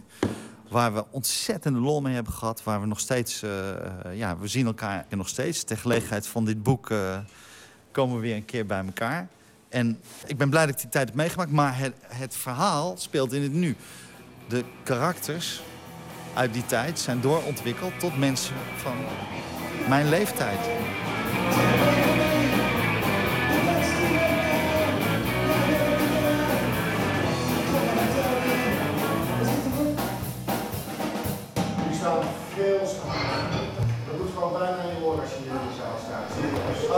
en ja. in andere restaurant hoor, dus, dus- ja. En de buren kwamen ouderwets eh, klagen. Fons Delle, auteur en zanger over de roman Echte Vrienden, verschenen bij uitgeverij De Geus, een bijdrage van Maarten Westerveen. José James heeft een eh, nieuw album, een ode aan Billie Holiday, een van zijn grote voorbeelden en idolen. En ook een van de redenen waarom hij zelf jazzzanger werd. We gaan luisteren naar zijn uitvoering van Strange Fruit.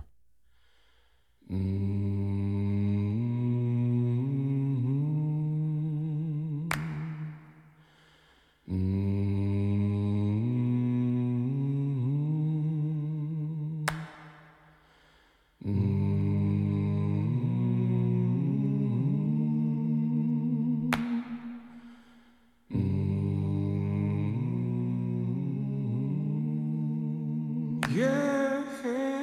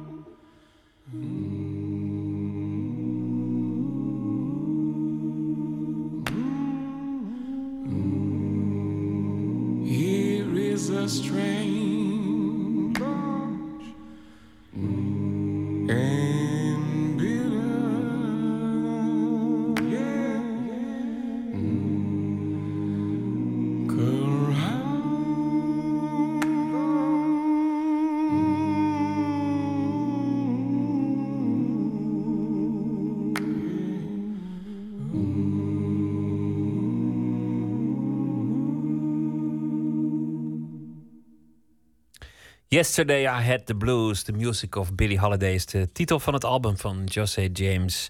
En daarop stond dit eh, nummer Strange Fruit.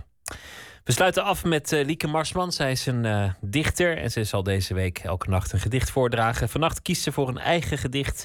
Wiegeliedje voor wie alles moet.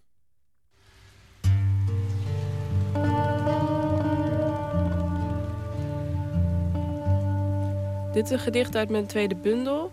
Ehm, het gedicht heet Wiegeliedje voor wie alles moet. Het is een soort ehm, weerwoord op eh, alle dingen die ik eh, verderop in de bundel moet van mezelf. Of Wiegeliedje voor wie alles moet. Je kunt het beste alles wat je moet van jezelf in je armen houden en fijn knijpen. Zodat je enerzijds iets hebt om vast te houden en er tegelijkertijd ruimte komt voor kleinere activiteiten. De sapcentrifuge aanzetten, een vergiet pakken, de gaslang laten repareren, kijken of er post is. Waarschijnlijk heb je een brief gekregen met goed nieuws erin. Iemand wil je geld geven en jij hebt al ja gezegd. En je blijft ja zeggen. Tegen kersen in een bakje leggen voor de gasten. Tegen zin hebben in het Eurovisie Songfestival. Tegen iedere week een cryptogram oplossen met je moeder. Oh, je kunt wel bang worden van een verkeerd geplaatste letter of een film met onheilspellende afloop. Maar oh, word maar niet bang van een zich opnieuw aankondigende ochtend die je mogelijk onbeantwoord lief laat hebben, want dat is geen duidelijk aanwijsbare reden, die ik overigens voor je weg wil nemen. Oh, je kunt wel bang worden van een te laat betaalde rekening, maar oh, word maar niet bang van een te vroeg uitgesproken verliefdheid. Kom, dan gaan we gezellig in een klein karretje door een graslandschap rijden en onder aan de heuvel druivensap drinken. Het moeilijke aan ouder worden is niet dat je steeds verdrietiger wordt, maar dat je steeds meer woorden krijgt om je verdriet te beschrijven. En als je het kunt, moet je het doen. Dat is waar. Maar ik heb hier een vliesdekentje neergelegd en ik leid je er hand in hand naartoe. En het is hier warm en je bent hier veilig. Oh. Lieke Marsman las haar gedicht Wiegeliedje voor wie alles moet. Morgen in Nooit meer slapen dan eh, zit hier Estenomi Perquin en die praat met Janneke Vreugdehil. Zij is uh, culinair schrijfster en ze schrijft uh, onder andere voor NRC Handelsblad. Ze heeft een nieuw boek uit, het allerlekkerste comfort food met kleine dingen die je altijd kunt bereiden als je even troost nodig hebt. Uh, en daar staan vast ook hele goede nachtmaaltijden in voor mensen die op dit uur nog uh, naar de koelkast gaan op zoek naar iets te schransen. Verder aandacht voor uh, de biografie van Lou Reed, in 2013 overleden rockmuzikant. Transformer is de titel van het boek geschreven door Victor Bokris, die hem persoonlijk heeft gekend. En nu is er dus een Nederlandse vertaling van dat boek. En met fotograaf, fotograaf Michiel Botman gaan we langs bij de Groningse fotogalerie Noorderlicht waar uh, de foto's van de Amerikaan Ken Schles te zien zijn. Dat allemaal morgen in Nooit meer slapen. Voor nu wens ik u een hele goede nacht en uh, morgen weer een leuke dag. Straks Astrid de Jong als nachtzuster. Ik wens u nog een goede nacht.